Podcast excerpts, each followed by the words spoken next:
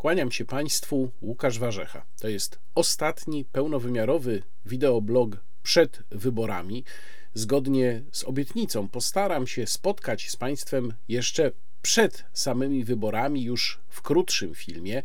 A tymczasem, jak zwykle, bardzo Państwu dziękuję za obecność na moim kanale. Dziękuję za wszystkie subskrypcje, polubienia, wszystkie komentarze, wszystkie uwagi do filmów, które się na tym kanale ukazują. Przypominam, że to jest także cykl rozmów niekontrolowanych, to jest podwójny kontekst, to jest na razie można powiedzieć zawieszony, ale na pewno będzie kontynuowany cykl konstytucji wolności. No i przede wszystkim wideoblog. Jeszcze raz bardzo Państwu dziękuję i przede wszystkim szczególnie serdecznie pozdrawiam wszystkich moich mecenasów, czyli wspierających ten kanał.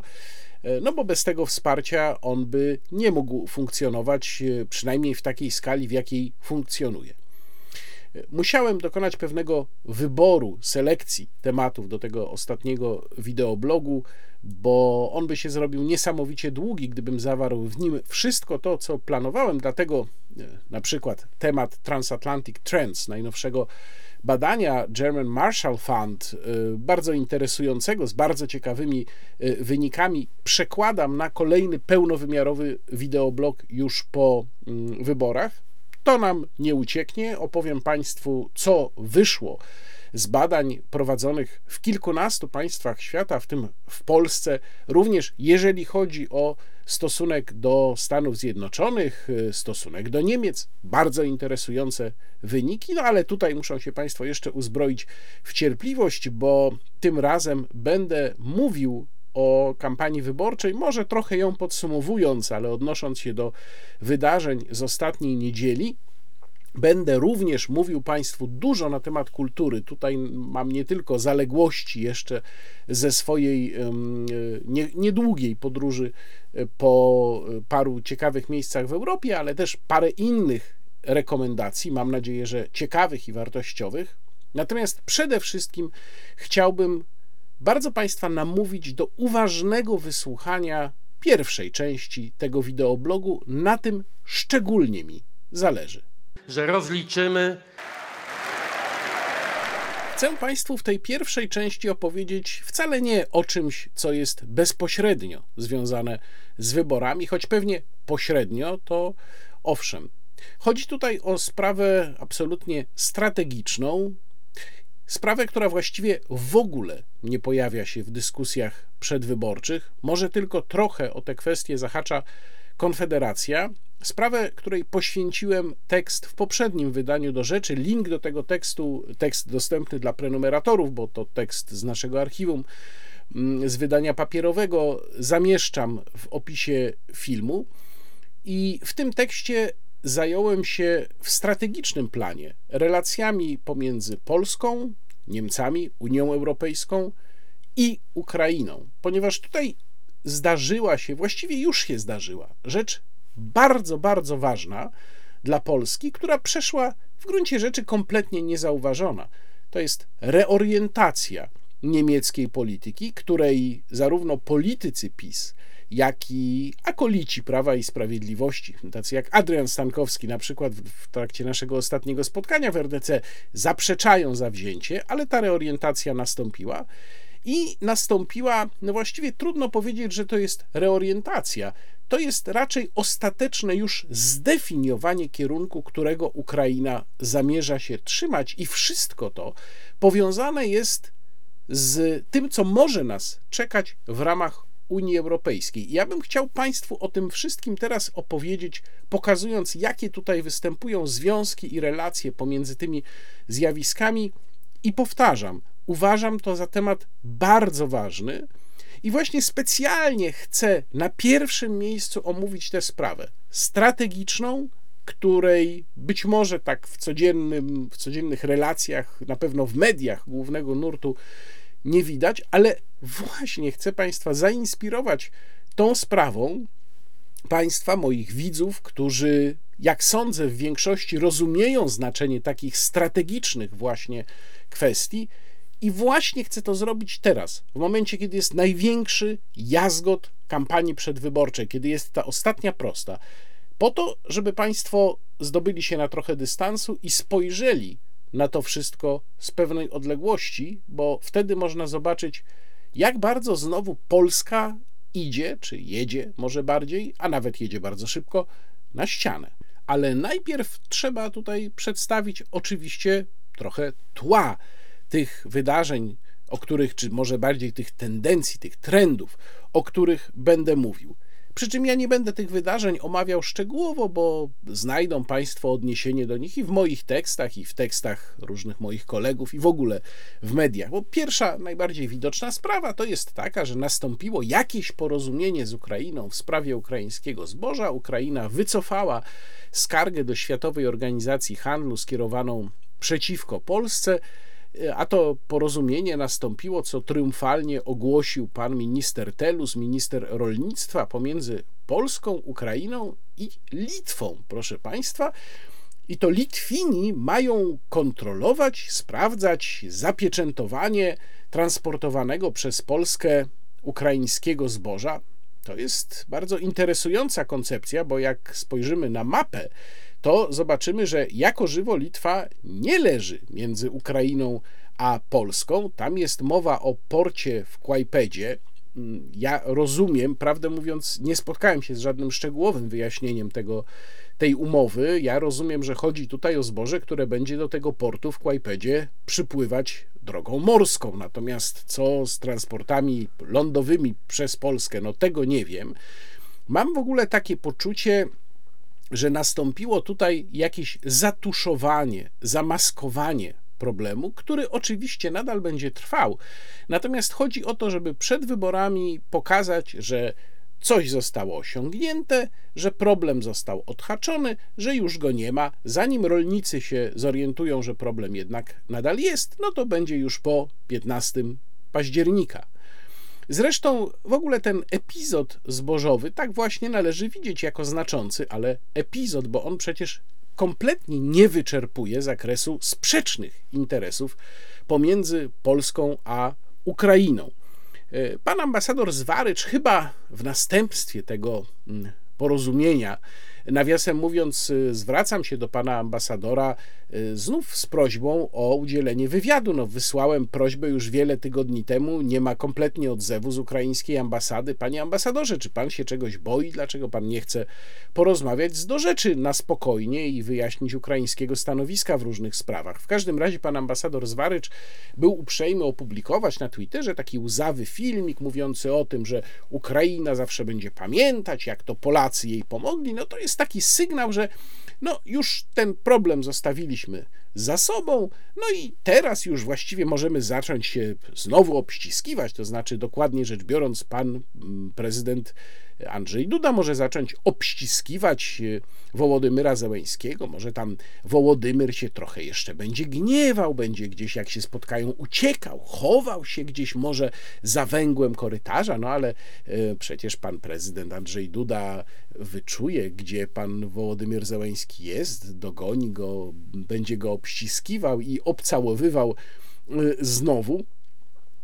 Natomiast y, prawda jest taka, że różnica pomiędzy Polską a Ukrainą jest strategiczna i absolutnie y, jakieś pozorne, tym bardziej pozorne rozwiązanie problemu zboża tej różnicy nie zlikwiduje. Tu muszę jeszcze wspomnieć o takiej żenującej akcji z hashtagiem We Remember Do You, która to akcja była rozpoczęta przez różnych polskich ukrainofilów, którzy mm, poczuli się zdradzeni przez Ukrainę i zaczęli, no to było już tam chyba kilkanaście dni temu, zaczęli publikować tweety przypominające polskie zasługi względem Ukrainy po 24 lutego właśnie z takim hashtagiem We Remember Do You, czyli my pamiętamy, a czy pan pamięta, no bo to niby skierowane do Wołodymyra Zełęńskiego. No ja myślę, że Wołodymyr Zełęński jak zobaczył te tweety polskich ukrainofilów, no to na pewno nie mógł spać i one naprawdę bardzo zakłóciły mu spokój. No, to jest taka akcja w stylu rysowania kredkami na chodniku, ale ona też pokazuje, w jaką frustrację wpadli ludzie, którzy od samego początku mieli bardzo romantyczny ogląd tej sytuacji i postrzegają ją właśnie w takich kategoriach wdzięczności. No myśmy zrobili tak, jak dla przyjaciela się robi, coś zrobiliśmy dobrego, a ten zły przyjaciel się na nas wypiął i się nam nie odwdzięczył należycie. Oczywiście relacje między państwami nie wyglądają w ten sposób, należy je widzieć w kategoriach czystego interesu. Ukraina realizuje swój interes i realizuje go również w planie bardzo strategicznym. Do tego za chwilę dojdę. Na razie to jeszcze jest wstęp, ale w ramach tego wstępu trzeba też powiedzieć o tym, co się dzieje w relacji ukraińsko-amerykańskiej, bo to jest bardzo ważne. I to również ma znaczenie w kontekście tego, o czym będę później mówił. Ta relacja ukraińsko-amerykańska robi się coraz bardziej napięta i jest tego oczywisty powód. Tym powodem są nadchodzące listopadowe, przyszłoroczne wybory prezydenckie, w których pana prezydenta Joe'ego Bidena wyborcy będą rozliczali, a także przede wszystkim przeciwnicy polityczni będą go rozliczali właśnie z jego ukraińskiej polityki, w której postawił na wszystko. Dopiero co mieliśmy mm, prawie że bezprecedensową sytuację, czyli mm, w wyniku działania Mata Geca, który jest kongresmenem, zwolennikiem Donalda Trumpa, został odwołany ze stanowiska speakera, czyli marszałka mm, Izby Reprezentantów Kevin McCarthy, a w grze tutaj, y, przy okazji tego odwołania McCarthy'ego, jest y, pakiet, kolejny pakiet pomocy dla Ukrainy w wysokości 25 miliardów dolarów. Bo tu przypomnę, że mm, procedura jest taka, że pakiet przygotowuje administracja, ale bez zgody kongresu ten pakiet nie może zostać wdrożony. No więc ten pakiet na razie nie został wdrożony, nie ma zgody kongresu na razie na ten pakiet. Tutaj Ukraina znalazła się w bardzo trudnej sytuacji, ale ta sytuacja może się jeszcze bardziej pogorszyć, jeżeli okaże się, i myślę, że jakąś granicą tutaj będzie prawdopodobnie lato przyszłego roku, może okolice czerwca, połowa przyszłego roku, kiedy okaże się, że mm, nie ma wystarczających osiągnięć ukraińskich. Zarówno jeżeli chodzi o działania na froncie, no to będzie oczywiście najbardziej widoczne, czy te sukcesy są, czy nie, ale także jeżeli chodzi o samo to, co się dzieje w państwie ukraińskim. Czyli jaki na przykład tam jest poziom walki z korupcją, jaki tam jest poziom walki o przejrzystość państwa ukraińskiego. Nie bez powodu administracja amerykańska zaczęła wysuwać tutaj bardzo daleko idące i konkretne żądania. Oczywiście kojarzą Państwo sprawę z tymi papierami, z tymi punktami, które porządkowały te żądania, również jeżeli chodzi o czas ich e, spełnienia który to dokument został potem zlekceważony przez amerykańską administrację, kiedy wyciekł, że to tylko taki draft, czyli szkic, że to nie było jeszcze gotowe, zatwierdzone. No ale to nawet jeżeli tak było, to pokazuje to, jak daleko posunięte są oczekiwania Waszyngtonu wobec Kijowa. Nic dziwnego, bo wszystko to będzie rozliczane w trakcie kampanii wyborczej. I dzisiaj ja bym postawił taką tezę. Po pierwsze, uważam, że Ukraina nie osiągnie tutaj wystarczającego postępu, żeby administracja Joe'ego Bidena mogła ten postęp pokazać jako dowód na to, że jej polityka ukraińska osiągnęła sukces. Zarówno nie będzie tego postępu na froncie, myślę, że to jest już zupełnie jasne, że ta wojna po prostu zmieniła się w wojnę pozycyjną.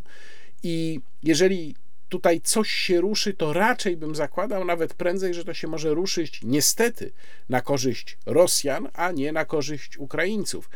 Ale nie mniej ważne w kontekście polityki amerykańskiej staje się nie mniej ważna, staje się kwestia właśnie tej przejrzystości, tej walki z korupcją, jakości systemu politycznego na Ukrainie, bo to będzie przez przeciwników Joe'ego Bidena, również zresztą przez konkurentów do nominacji demokratów, wyciągane jako świadectwo porażki, ale również będzie to przedstawiane jako argument przeciwko ponownemu wyborowi Joe'ego Bidena, jako tego prezydenta, który marnuje pieniądze amerykańskiego podatnika, bo przecież korupcja na Ukrainie, a jest to kraj, przypominam, systemowo wciąż skorumpowany w niesamowitym stopniu. Korupcja na Ukrainie oznacza, że pieniądze, które przekazują Stany Zjednoczone, olbrzymie pieniądze, no przypominam, ten pakiet, który teraz jest w grze, jak powiedziałem, 25 miliardów dolarów, że te pieniądze, owszem, wpływają na Ukrainę, ale jaka część z nich później jest rozkradana. No przecież temu właśnie służył ten pakiet żądań przedstawiony przez administrację Joe'ego Bidena, żeby takie argumenty mogły zostać utrącone, ale tak jak powiedziałem, ja nie wierzę w to, że mm, uda się tutaj osiągnąć jakieś znaczące sukcesy.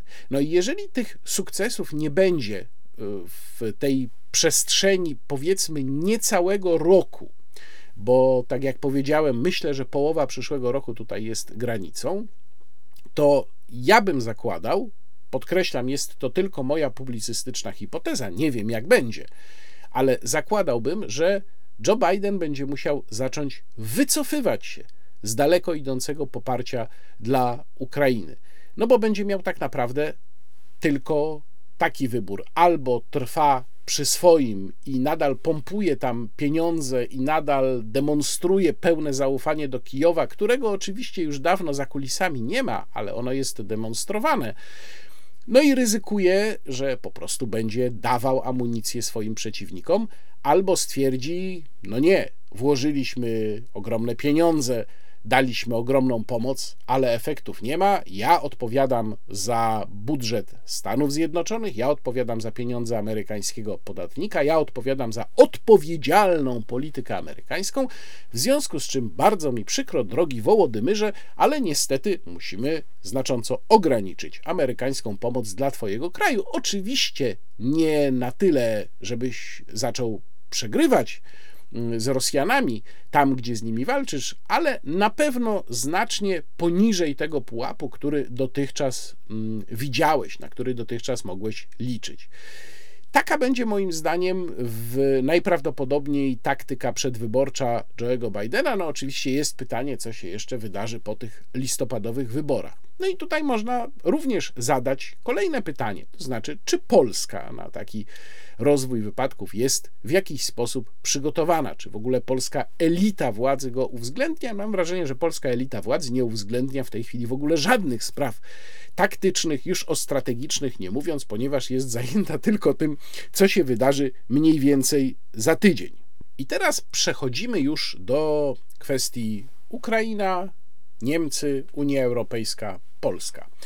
I zacznę tutaj od wskazania, że cały czas politycy Prawa i Sprawiedliwości, a także akolici PiS, tacy jak na przykład Adrian Stankowski, mój szanowny kolega, z którym starłem się na ten temat ostatnio, w, ostatni wtorek w RDC, w warszawskiej rozgłośni publicznej, podczas naszego porannego komentarza, cały czas trwają przy takiej narracji, że oto Niemcy czekają tylko na okazję, żeby wrócić do interesów z Rosją, no i w związku z tym trzeba Niemcy mm, obdarzać e, ogromną nieufnością i oni też by to zalecali Ukrainie.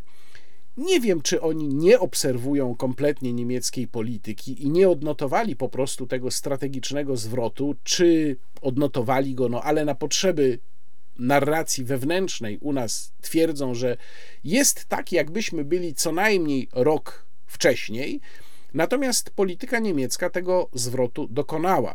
W polityce niemieckiej kwestia powrotu do normalnych takich relacji, jakie były przed 24 lutego z Rosją, w zasadzie w tym momencie już nie istnieje. Nastąpiła reorientacja i ta reorientacja jest w kierunku Ukrainy z jednej strony, z drugiej strony w kierunku dokonania jak najszybciej bardzo głębokich zmian w Unii Europejskiej. Niemcy poszukiwały przez wiele miesięcy jakiegoś e, nowego kierunku, jakiegoś punktu zaczepienia dla swojej polityki, która wcześniej, przypomnę, była oparta na takim założeniu, że robimy rewolucję energetyczną, wymuszamy na innych państwach Unii Europejskiej dostosowanie się do tego, co dla nas jest wygodne, a dla nas jest to wygodne, ponieważ będziemy mieli dostęp do tanich surowców z Rosji. Przede wszystkim w fazie przejściowej tej rewolucji będziemy mieli dostęp do rosyjskiego gazu. No, to, jak wiadomo, już jest nieaktualne, natomiast Niemcy szukają w związku z tym, szukali w związku z tym nowego strategicznego punktu zaczepienia i wydaje się, że ten punkt zaczepienia znaleźli przynajmniej na razie właśnie w doprowadzeniu do e, reformy Unii Europejskiej. I teraz chcę Państwu opowiedzieć o pewnym dokumencie, pewnym raporcie, który pojawił się dokładnie w tym samym czasie, kiedy w Nowym Jorku, w Organizacji Narodów Zjednoczonych, pan prezydent Zełęski demonstracyjnie wychodził w czasie wystąpienia pana prezydenta Dudy, który to pan prezydent Duda próbował to jeszcze jakoś tam lekceważyć, no bo przecież jego miłość do Ukrainy i do pana prezydenta Zełęskiego jest chyba przemożna. Tak jak mówiłem Państwu, uważam, że to jest jakiś czynnik psychologiczny, że inaczej się tego nie da wytłumaczyć.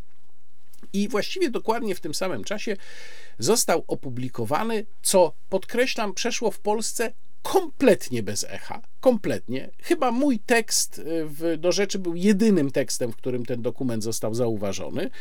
Ukazał się taki raport przygotowany przez niemiecko-francuską specjalną grupę roboczą. Nazywa się on Sailing on High Seas, Reforming and Enlarging the EU for the 21st Century, czyli żeglując na pełnym morzu, reformowanie i powiększanie Unii Europejskiej w XXI wieku. Ta grupa robocza, która go opracowywała, liczyła sobie w sumie 12 osób, czyli po 6 osób z Niemiec 6 i 6 osób z Francji.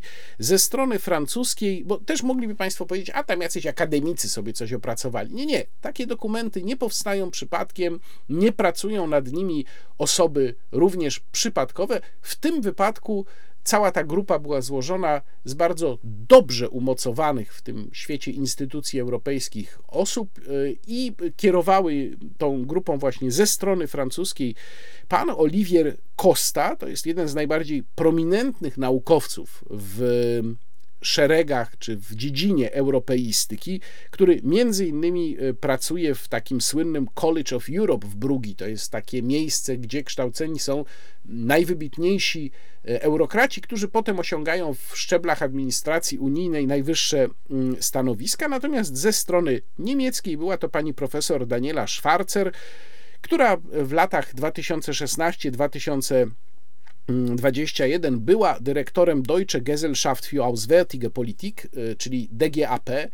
To jest y, niemieckie Towarzystwo Polityki Zagranicznej, bodaj najważniejszy państwowy niemiecki think tank, który zajmuje się właśnie polityką y, zagraniczną, finansowany zresztą przez państwo. Czyli to nie były w żadnym wypadku przypadkowe osoby, to były, powtarzam, osoby bardzo dobrze umocowane w tym establishmencie, choć takie nie z pierwszego szeregu, tylko tam raczej za kulis. Ale mówię to dlatego, żeby pokazać, że to, co w tym raporcie zostało opublikowane, jego wyniki, jego wnioski, to są bardzo przemyślane zalecenia, że to jest tak naprawdę głos z wnętrza elity tych dwóch państw Francji i Niemiec. Ale zanim przejdę do tego, co w tym raporcie się znalazło, a później powiem, jaki to ma związek z Ukrainą, to najpierw chcę przypomnieć y, co najmniej dwie oficjalne wypowiedzi pana kanclerza Olafa Scholza dotyczące przebudowy Unii Europejskiej. Pierwsza to ta najsłynniejsza, to w sierpniu 2022 roku podczas wizyty w Czechach w czasie czeskiej prezydencji na Uniwersytecie Karola w Pradze pan y, kanclerz Scholz powiedział o tym, że powiększenie Unii Europejskiej musi być powiązane z jej no, de facto federalizacją, chociaż takiego słowa tam nie użył, ale musi być powiązane z głęboką zmianą sposobu podejmowania decyzji w Unii Europejskiej. I potem jeszcze w maju tego roku, w czasie takiej debaty z cyklu y, This is Europe, powtórzył te tezy również w Parlamencie Europejskim. No, w zasadzie powiedział dokładnie to samo. Powiedział,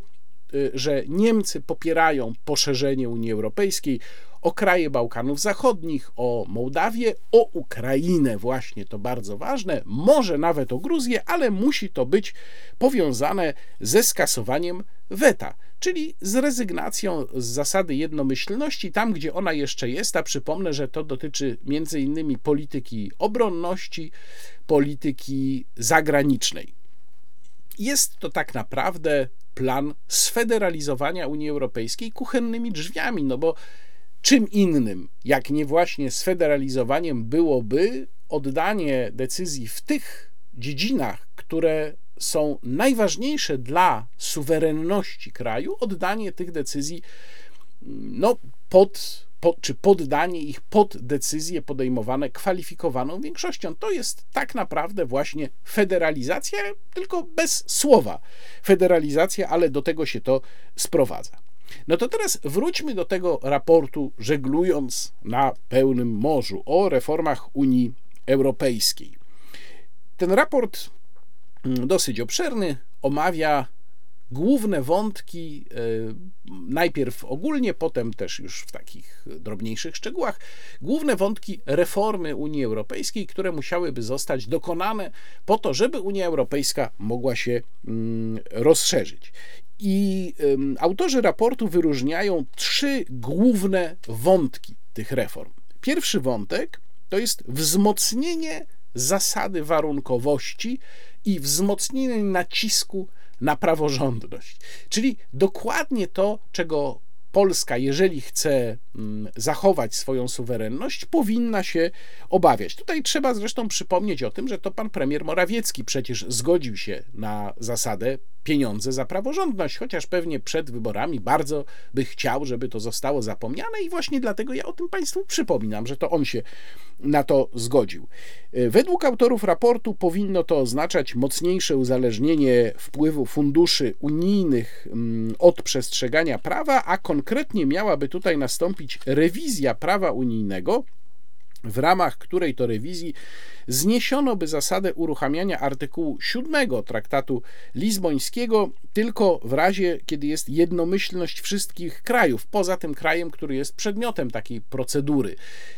Tutaj wyjaśniam, że ten warunek jednomyślności to było to, co pozwalało chronić się wzajemnie w przeszłości Węgrom i Polsce. Jeżeli sobie Państwo przypomną tę sytuację, w której Polsce groziło uruchomienie właśnie artykułu 7, no to wiadomo było, że nie zostanie on uruchomiony, bo nas będą chronili Węgrzy, w myśl zasady jednomyślności, a odwrotnie, gdyby próbowano uruchomić ten artykuł wobec Węgier, to wtedy Polska przyjdzie Węgrom z pomocą i się na to nie zgodzi. Natomiast no, w myśl tego raportu, gdyby zmiana w prawie unijnym została dokonana, to już taka wzajemna ochrona e, sojuszników politycznych w ramach Unii Europejskiej nie byłaby możliwa, bo ta decyzja byłaby po prostu podejmowana w głosowaniu.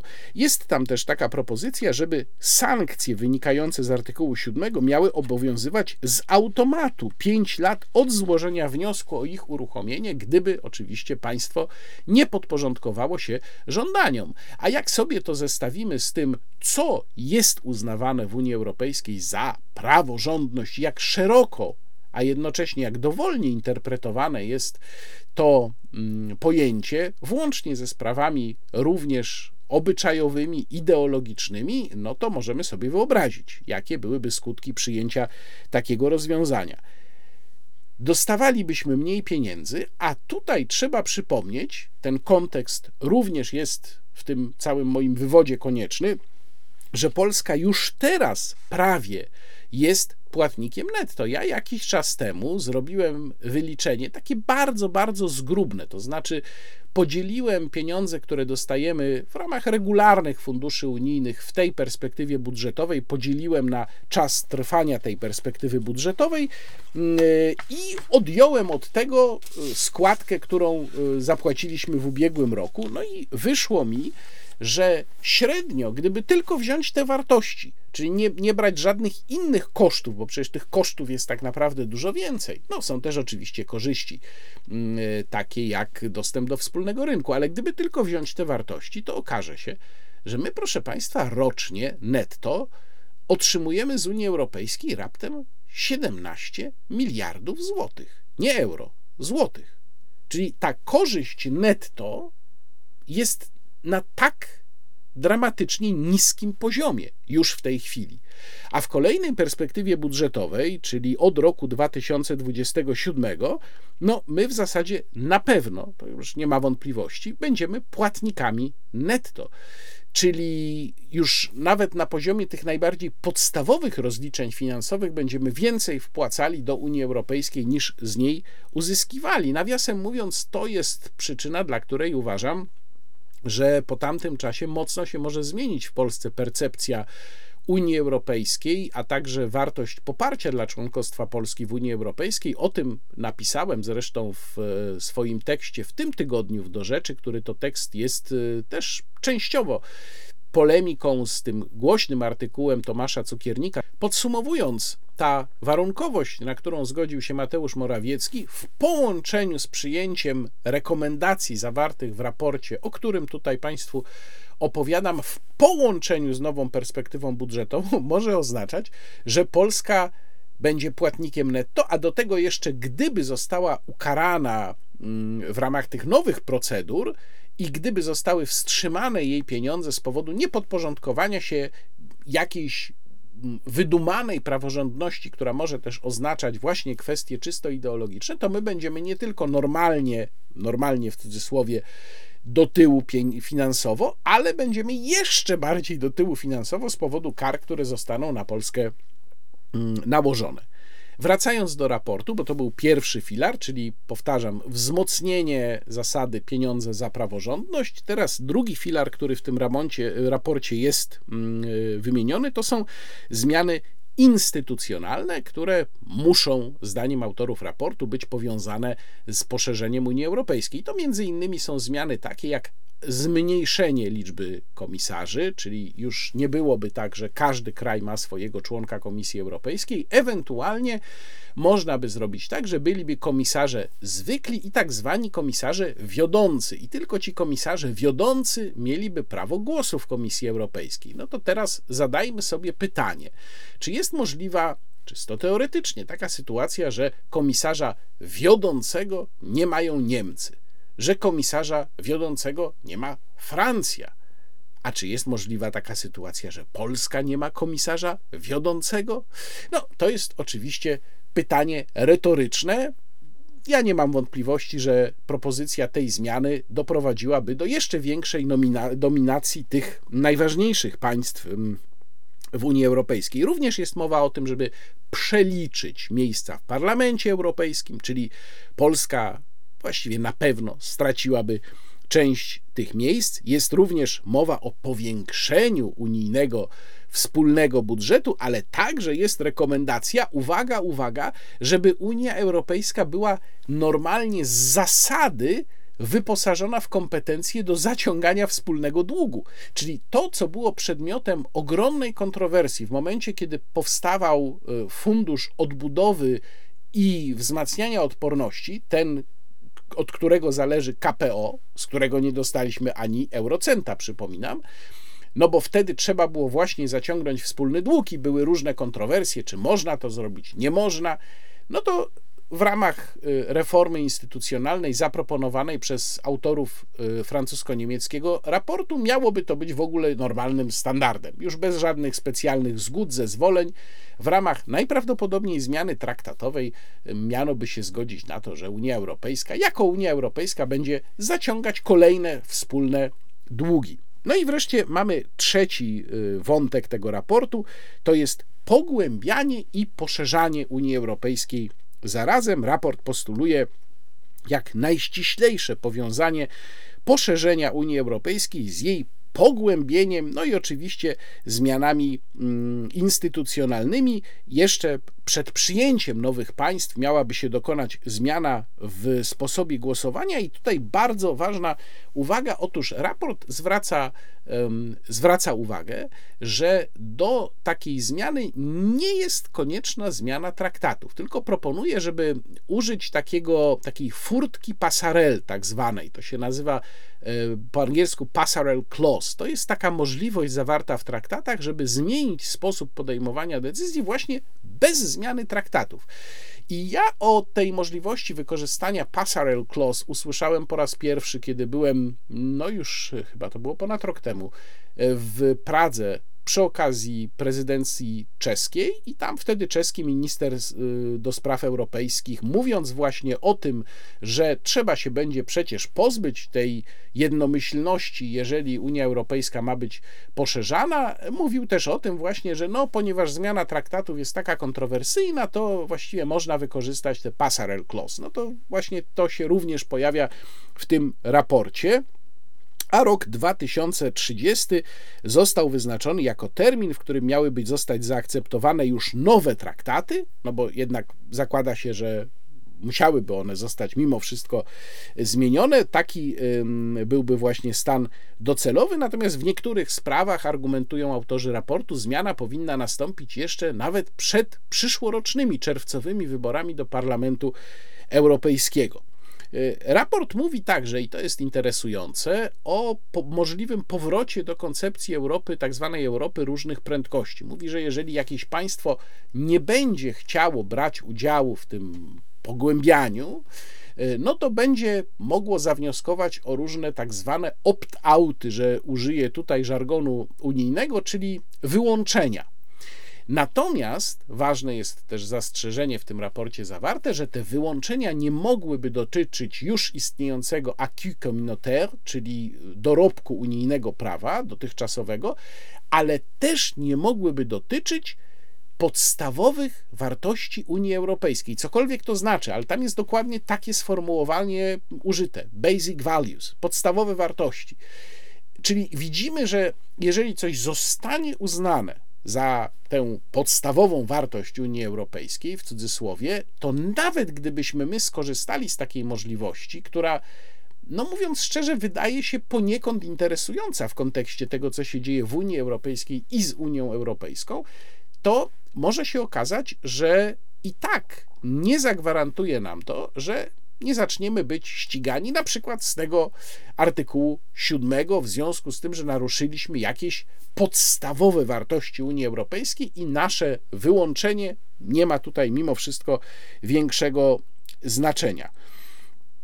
Momentem docelowym kiedy idzie o rozszerzenie Unii Europejskiej, w którym zdaniem autorów raportu wszystko ma być gotowe i państwa kandydujące mają być gotowe, jest wspomniany już przeze mnie rok 2030 i dlatego również ja podkreślam kolejny raz, wydaje mi się, że mówiłem to już w wideoblogu, chyba nawet niejednokrotnie, na pewno o tym pisałem, że przyszłoroczne wybory do Parlamentu Europejskiego będą naprawdę bardzo, bardzo ważne. To będą moim zdaniem najprawdopodobniej najważniejsze wybory do Parlamentu Europejskiego, jakie w ogóle mieliśmy od momentu, kiedy znaleźliśmy się w Unii Europejskiej. No, zastanawiam się, czy partie, które ewentualnie będą wystawiały swoich kandydatów, zdają sobie sprawę z tego, jak bardzo ważne będą te y, wybory. Wtedy się naprawdę będzie mnóstwo istotnych, kluczowych, fundamentalnych rzeczy dla dalszego kierunku Unii Europejskiej będzie się wtedy mm, decydować. No i dobrze, i teraz mogą Państwo zapytać, no dobra, a gdzie w tym wszystkim Ukraina? Bo ja tutaj mówię o reformie Unii Europejskiej, gdzie Ukraina? Dlaczego tu jest jakiś problem z Ukrainą? Ano to jest bardzo proste. Dla Wołodymyra Zełęńskiego wprowadzenie mm, Ukrainy do Unii Europejskiej, no a przynajmniej rozpoczęcie y, formalnej akcesji, nie tej preakcesji, która y, ma miejsce w tej chwili, ale już takich pełnowymiarowych rozmów akcesyjnych, to jest sprawa jego politycznej wiarygodności, ale to jest również sprawa finansów. No bo szacuje się, że w ciągu siedmiu pierwszych lat swojego członkostwa w Unii Ukraina ma otrzymać blisko 190 miliardów euro z funduszy unijnych. I teraz, proszę Państwa, proszę sobie wyobrazić taką sytuację. Ukraina wchodzi do Unii Europejskiej, Polska w tym momencie jest już płatnikiem netto i musi dotować za pośrednictwem unijnego budżetu, a być może również podejmując nie z własnej woli zobowiązania, czyli podejmując, zaciągając długi, bo Unia Europejska ma być, przypominam, wyposażona w taką kompetencję, przekazywać pieniądze, musi przekazywać pieniądze swojemu de facto konkurentowi, który jest zaraz za wschodnią granicą.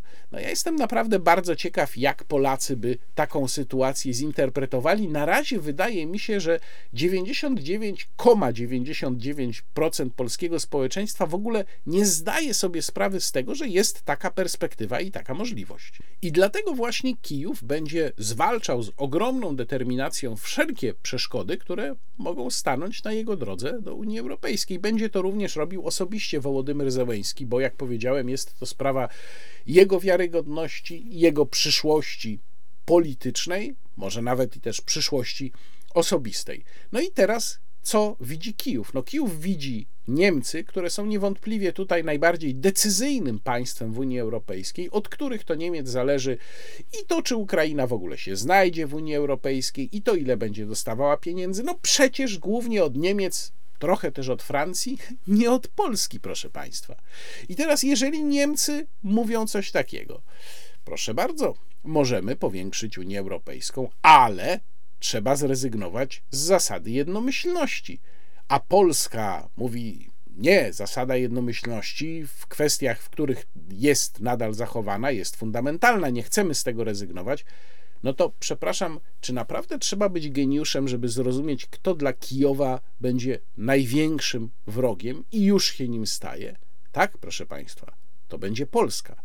I podobnie byłoby, gdyby Mm, Ukraina znalazła się już w Unii Europejskiej, dlatego że nadal dysponentem instytucji unijnych w największym stopniu, a więc również dysponentem unijnego budżetu, unijnych pieniędzy byłyby Niemcy. Ukraina dramatycznie potrzebująca pieniędzy na odbudowę, a jednocześnie mająca w perspektywie Mm, tak gigantyczne dotacje z Unii Europejskiej i całe lata, lata kolejnych perspektyw budżetowych, w trakcie których nie będzie płatnikiem netto, oczywiście grałaby zawsze po stronie Niemiec. Byłaby na pstryknięcie dla Niemiec w Parlamencie Europejskim, w Komisji Europejskiej.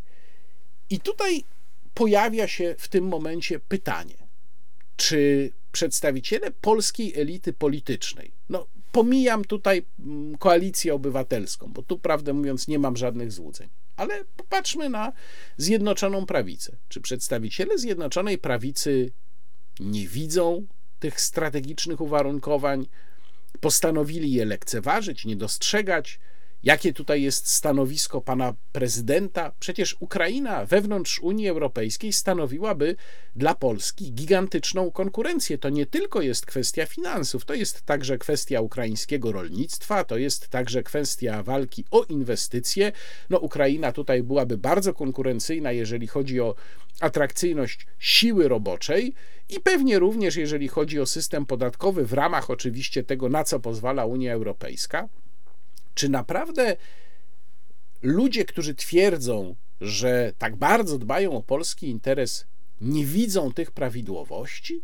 Nie rozumieją tego, nie widzą tej niemieckiej gry już naprawdę ręka w rękę z Ukrainą. Dlaczego pan prezydent Zełenski tak chętnie poparł w Nowym Jorku wprowadzenie Niemiec jako stałego członka do Rady Bezpieczeństwa? Przecież to już są ewidentne, zupełnie widoczne objawy tej wspólnej gry.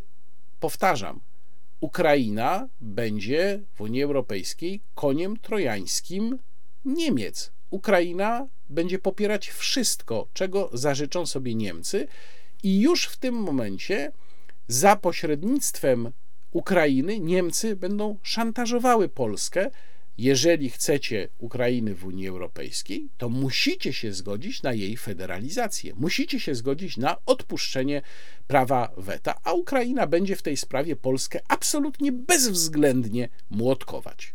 Dlatego myślę, że trzeba to powiedzieć wyraźnie i jednoznacznie.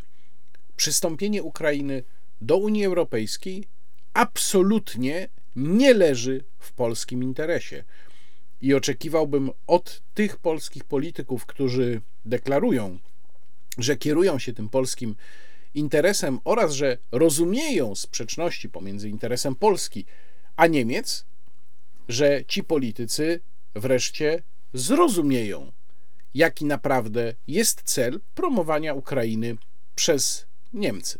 Że rozliczymy Teraz będzie o kampanii wyborczej, no i tutaj przykro mi bardzo, ale nie jestem w stanie uciec od wydarzeń ostatniej niedzieli, od wydarzeń sprzed tygodnia, czyli z jednej strony od konwencji Prawa i Sprawiedliwości Zjednoczonej Prawicy w katowickim Spodku, z drugiej strony od tak zwanego Marszu Miliona Serc w Warszawie, Koalicji Obywatelskiej, no i części jej sojuszników. I tak, proszę Państwa, pokatuję Państwa trochę fragmentami tych wystąpień, ale podkreślam, to jest potrzebne po to, żeby zobaczyć, uświadomić sobie, jaka była ta kampania, bo te dwa wydarzenia, a szczególnie chyba jednak to wydarzenie w katowickim spotku, stanowi doskonałe podsumowanie tego, jaka ona była. Jak bardzo była prymitywna, demagogiczna, głupia, kretyńska, jak bardzo politycy, zwłaszcza tych dwóch głównych obozów, traktowali Polaków jak kompletnych kretynów. Być może, nie wiem, może mieli trochę racji, skoro to w jakiś sposób pokazuje pozytywne e, wyniki, pozytywne skutki w sondażach. I na początek e, chciałem Państwu pokazać wystąpienie Dominika Tarczyńskiego, czyli takiego wyjątkowo odrażającego typa karierowicza, skrajnego karierowicza, cynicznego całkowicie, który nie bez powodu został właśnie wypromowany jako symboliczna osoba, która będzie występować w zasadzie na początku tej konwencji Prawa i Sprawiedliwości. I Dominik Tarczyński tam wywołał takie reakcje tłumu, które jako żywo przypominały mi dwie minuty nienawiści z roku 1984 George'a Orwella. Przypominam te dwie minuty nienawiści. To była taka sytuacja, kiedy na ekranie pojawiał się złowieszczy, pojawiała się złowieszcza twarz Emanuela Goldsteina, czyli takiej osoby, którą mieli wszyscy nienawidzić i wtedy ludzie stali przed tym ekranem i wykrzykiwali różne nienawistne e, swoje emocje w kierunku tego ekranu. No więc tutaj coś chyba jednak podobnego miało miejsce. Proszę zobaczyć.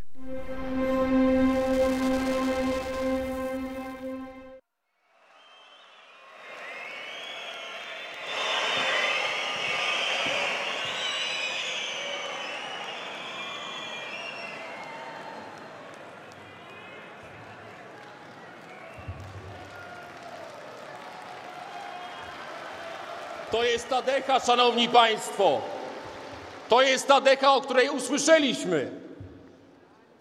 I można by się z niej śmiać, można by z niej ironizować, memować lub ją ignorować. Gdyby nie fakt, że ta decha jest symbolem, symbolem słów oraz czynów Platformy. Zobaczmy, szanowni państwo, co kryje się w czynach pod ich sztucznymi sercami, które muszą sobie doklejać, aby udowadniać, że kochają, jak twierdzą, Polskę.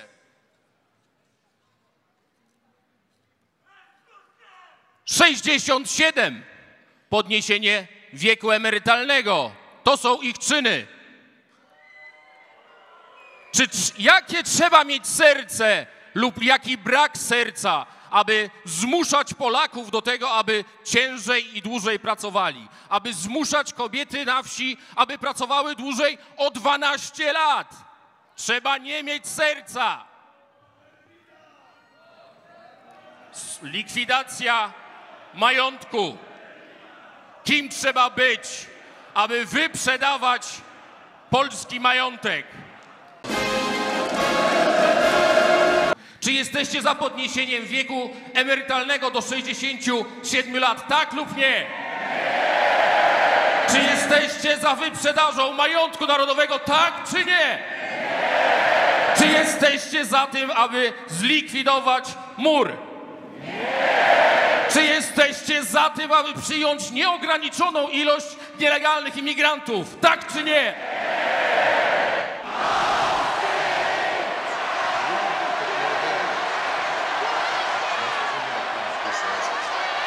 Byłem pierwszym posłem do Parlamentu Europejskiego, który zdecydował się polecieć na Lampedusę. Kiedy tylko przyjechaliśmy i kobiety protestujące, bo tam trwał protest e, przeciwko nielegalnej imigracji, dowiedziały się, że jest tam poseł z Polski, przybiegły płaczące kobiety i powiedziała: Ratujcie nas. Polska jest normalna. Ratujcie nas, powstrzymajcie to szaleństwo. Jesteśmy ostatnim bastionem, w którym po 22 można wyjść na spacer, w którym po 22 można wyjść na spacer, w którym po 22 można wyjść na spacer. Odwiedziłem Szwecję. Widziałem, co się dzieje. Pojechałem do strefy, w której nie jeździ nawet policja. Na sam widok telefonu zostaliśmy zaatakowani. Byłem także w Kolumbii, która ma problem z Wenezuelą. Byłem w różnych miejscach, widząc, że jest to problem globalny, ale zawsze w tych miejscach był ślad rosyjski. Był ślad rosyjski. Był ślad rosyjski. Piłsudski uratował nas przed czerwoną nawałą. Jak wiecie, Sobieski przed muzułmańską nawałą. A teraz my powstrzymamy przed poprawnością polityczną. Uratujemy Polskę i uratujemy Europę. O, o, ocalimy Europę, chrześcijańską Europę, Europą wartości, Europę rodzin. Nie wstydzimy się Polski.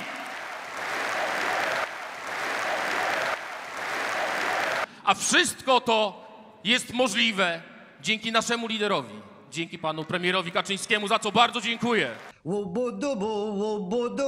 Chciałbym powiedzieć, że byłem świadkiem tego, co dzieje się w różnych miejscach w Europie. Sytuacja jest katastrofalna. Zagrożenie jest realne. Byłem, widziałem i doświadczyłem. Byłem na wsi, byłem w mieście, byłem nawet w Budapeszcie, wszystko chuj. Ja już nie będę analizował dokładnie tego wystąpienia, bo właściwie nie ma czego. To tylko chciałem Państwu pokazać, żeby Państwo zobaczyli tę atmosferę, poczuli tę atmosferę, która tam panowała, zobaczyli ten y, system, w którym właśnie Dominik Tarczyński wykrzykuje, czy, czy chcecie? Tłum odpowiada, nie chcemy, precz z Goldsteinem.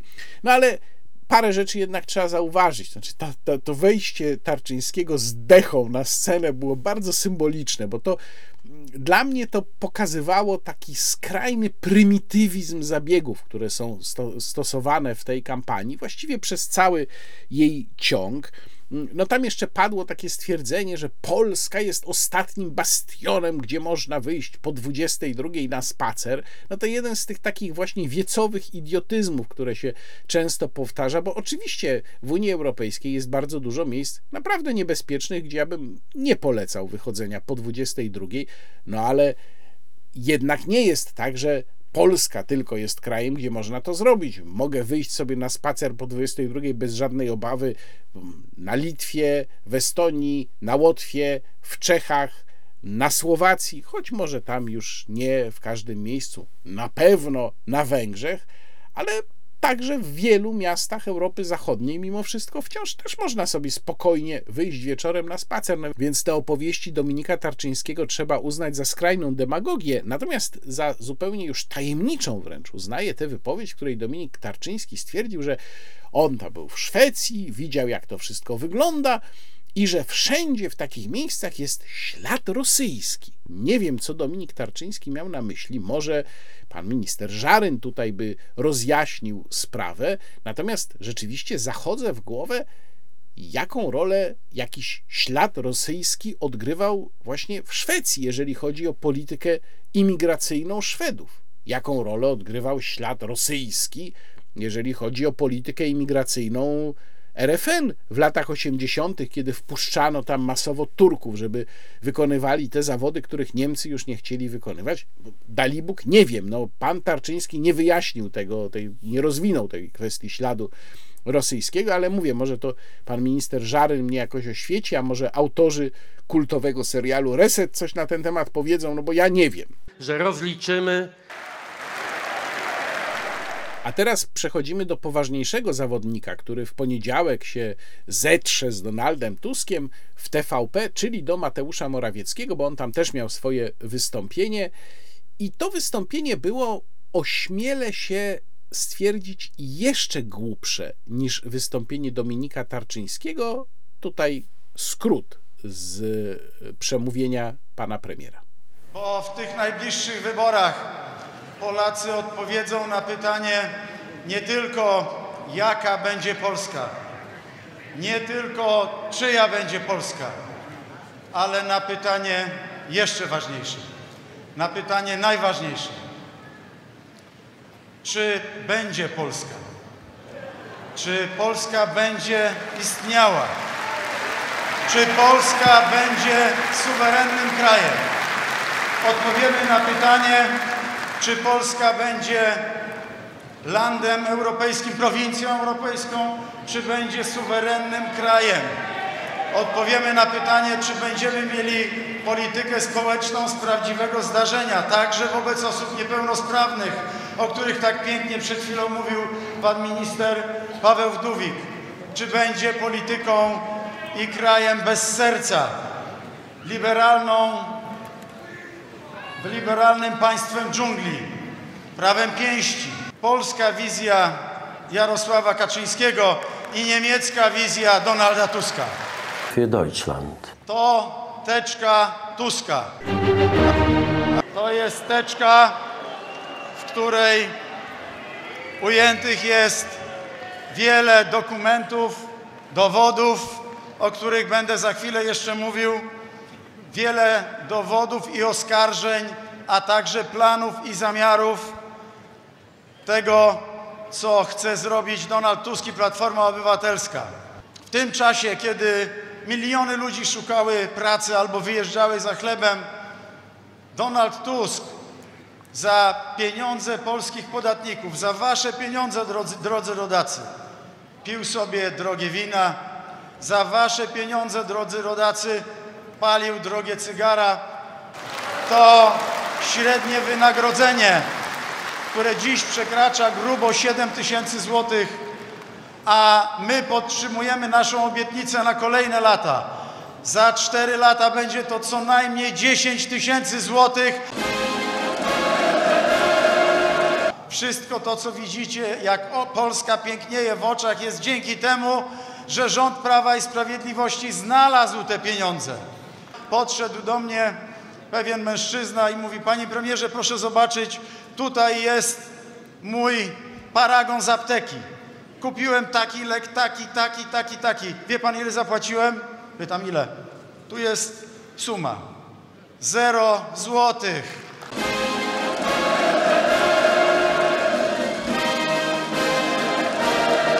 To była również linia zdrady Tuska, czyli linia Wisły, do której miały się polskie wojska natychmiast wycofać, zostawić pół Polski na pastwę ruskich, aby tam była następna Bucza, Irpień, Borodianka. Na tym przykładzie widać dokładnie, jak dbamy też o bezpieczeństwo energetyczne, o sprawiedliwą transformację, bo ta polityka klimatyczna Unii jest zagrożeniem dla polskiego przemysłu. Tylko Prawo i Sprawiedliwość może obronić polski przemysł. Będziemy bronić polskiego rolnictwa przed ukraińskimi agrooligarchami. Wbrew wszystkim oczekiwaniom udało nam się w taki sposób zdusić inflację, aby nie przyrosło bezrobocie. skończyliśmy z grozą inflacji. Prawdziwe ryzyko zamknięcia granicy Schengen jest wtedy, kiedy by Tusk, co nie daj Panie Boże, tego koszmaru nie dopuść, doszedł do władzy i wtedy wpuszczą tych nielegalnych imigrantów. Strzeżcie się przed Tuskiem. To niebezpieczny człowiek.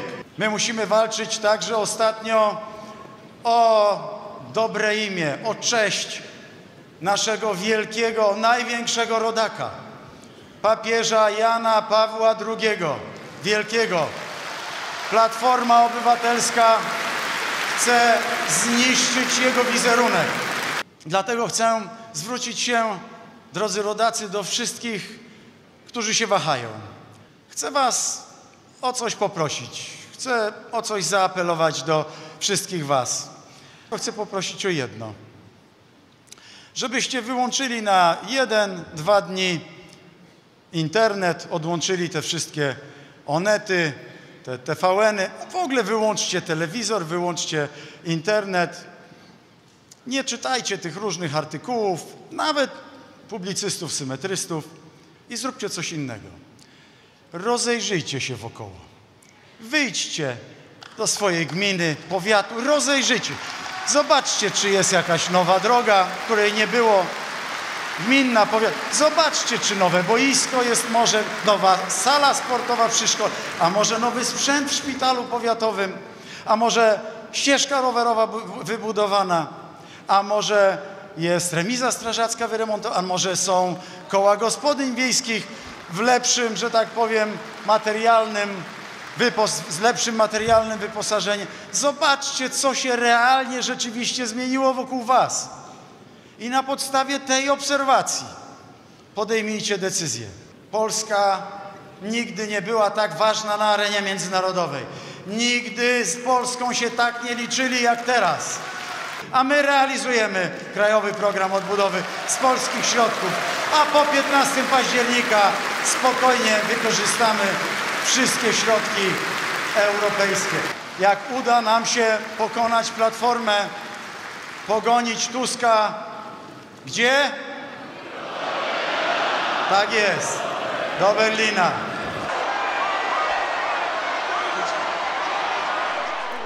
A bardzo mnie rozbawiło to zagranie z teczką Donalda Tuska, bo od razu przypomniała mi się czarna teczka Stana Tymińskiego z wyborów prezydenckich w roku 1990. Jeżeli Państwo nie pamiętają lub po prostu są Państwo zbyt młodzi, żeby to pamiętać, to też odsyłam do odpowiedniego odcinka y, filmu na kanale Dudek o historii, gdzie mój kolega profesor Antoni Dudek zrobił o tamtych wyborach film i przypomniał również w tym filmie właśnie Stana Tymińskiego i jego słynną czarną teczkę. No więc mam wrażenie, że ktoś tu chyba y, nawet być może oglądał ten film y, Antoniego wcześniej, zanim podsunął właśnie to jest teczka Tuska. Zobaczyliśmy teczkę Tuska. No w tym wystąpieniu Morawieckiego było całe mnóstwo kompletnych głupot. Na przykład to stwierdzenie, że będzie średnie wynagrodzenie na poziomie 10 tysięcy złotych. Ja już tutaj nie będę się wdawał w dokładną analizę tego, jakie są skutki ciągłego windowania mm, minimalnego wynagrodzenia przez rząd. To jest temat na osobny mm, rozdział, być może na Konstytucję Wolności, ale też odsyłam Państwa do tekstów, w których opisywałem to wielokrotnie, między innymi na forum polskiej gospodarki FPG24. Jeden z takich tekstów napisałem stosunkowo niedawno i zalinkuję do niego w opisie filmu, no bo pewnie mówiąc o tych 10 tysiącach średniego wynagrodzenia, pan premier y, myślał sobie, że o jak podniesiemy jeszcze parę razy wynagrodzenie minimalne, to dojdziemy do tych 10 tysięcy. Oczywiście miał zapewne na myśli 10 tysięcy brutto, czyli netto znacznie mniej. Ale przede wszystkim, czego on, proszę Państwa, nie powiedział? Ano nie powiedział, ile to 10 tysięcy będzie warte. Bo przecież pieniądz nie stanowi wartości sam w sobie. Pieniądz jest wart tyle, ile za niego można kupić. No, gdyby te 10 tysięcy miało nas tak podniecać samo w sobie, to inflacja sprzed kilkunastu lat w Zimbabwe na przykład by oznaczała, że to musiał być najzamożniejszy kraj na świecie, skoro tam taczkami te dolary zimbabwańskie przewożono no albo Republika Weimarska w, na początku lat dwudziestych też ze swoją hiperinflacją. No więc oczywiście 10 tysięcy nic nam kompletnie nie mówi. Gdybyśmy wiedzieli, co my za te 10 tysięcy kupimy, to wtedy dopiero można by o czymś rozmawiać.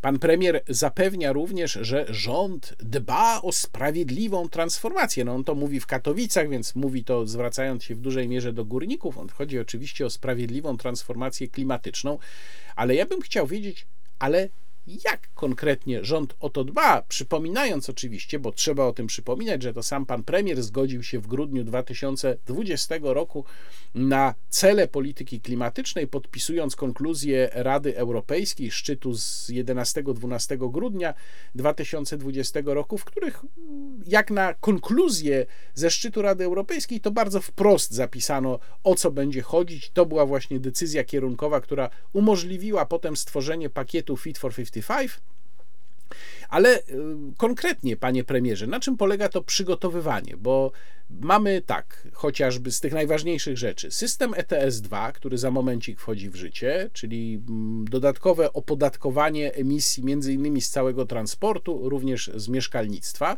Mamy dyrektywę EPBD o charakterystyce energetycznej budynków, która narzuci gigantyczne koszty na budujących, kupujących mieszkania, także tych, którzy będą chcieli mieszkania sprzedać lub wyremontować. Mm, y, mamy wreszcie elementy różne pakietu Fit for 55 i ja jako żywo nie słyszałem, żeby rząd przygotowywał Polskę i Polaków w jakikolwiek sposób na zderzenie z tymi ograniczeniami, obciążeniami, które naprawdę potężnie w nas uderzą. O tym też już wielokrotnie mówiłem. No był taki apel, tam pan premier w pewnym momencie mówi, rozejrzyjcie się państwo dookoła, co się zmieniło. No więc jakbym ja miał tak powiedzieć, rozglądając się po swojej najbliższej okolicy, co się zmieniło w czasie rządów PiS, no to zmieniło się tyle, że z powodu um, ustawy, um, którą um, rządzący uchwalili o obowiązkowych oszczędnościach energii w jednostkach budżetowych, E, mój nieudolny, to przyznaję, skrajnie nieudolny tutaj lokalny samorząd od e, około roku wyłącza e, oświetlenie w nocy. To jest bardzo widoczna, panie premierze, zmiana. Druga taka widoczna zmiana to jest zamykanie na noc posterunku policji w mojej gminie, bo tam nawet była mowa mm, w spotku o posterunkach policji, że one są odtwarzane, że zła platforma zamykała, no bo przecież ten Tusk jest najgorszy, prawda? Więc zła platforma zamykała, a my tu otwieramy, no to właśnie właśnie u mnie ten posterunek policji się e, zamyka e, już na noc od e, dobrych paru miesięcy. Natomiast inne sprawy, takie, które widzę, może nie w najbliższej okolicy, ale w ogóle widzę, no to są drastyczne ograniczenia wolności obywatelskich. E, to jest e, dramatyczne powiększenie zakresu możliwości inwigilacyjnych służb, to jest psucie gospodarki, to jest niewydolność wymiaru sprawiedliwości, mm, niewydolność legislacji e, wszystkie, zgoda na wszystkie wyniszczające polityki unijne. No dużo by można tego wymieniać, co ja widzę, jak się rozejrzę dookoła, jaki jest bilans waszych ośmioletnich rządów.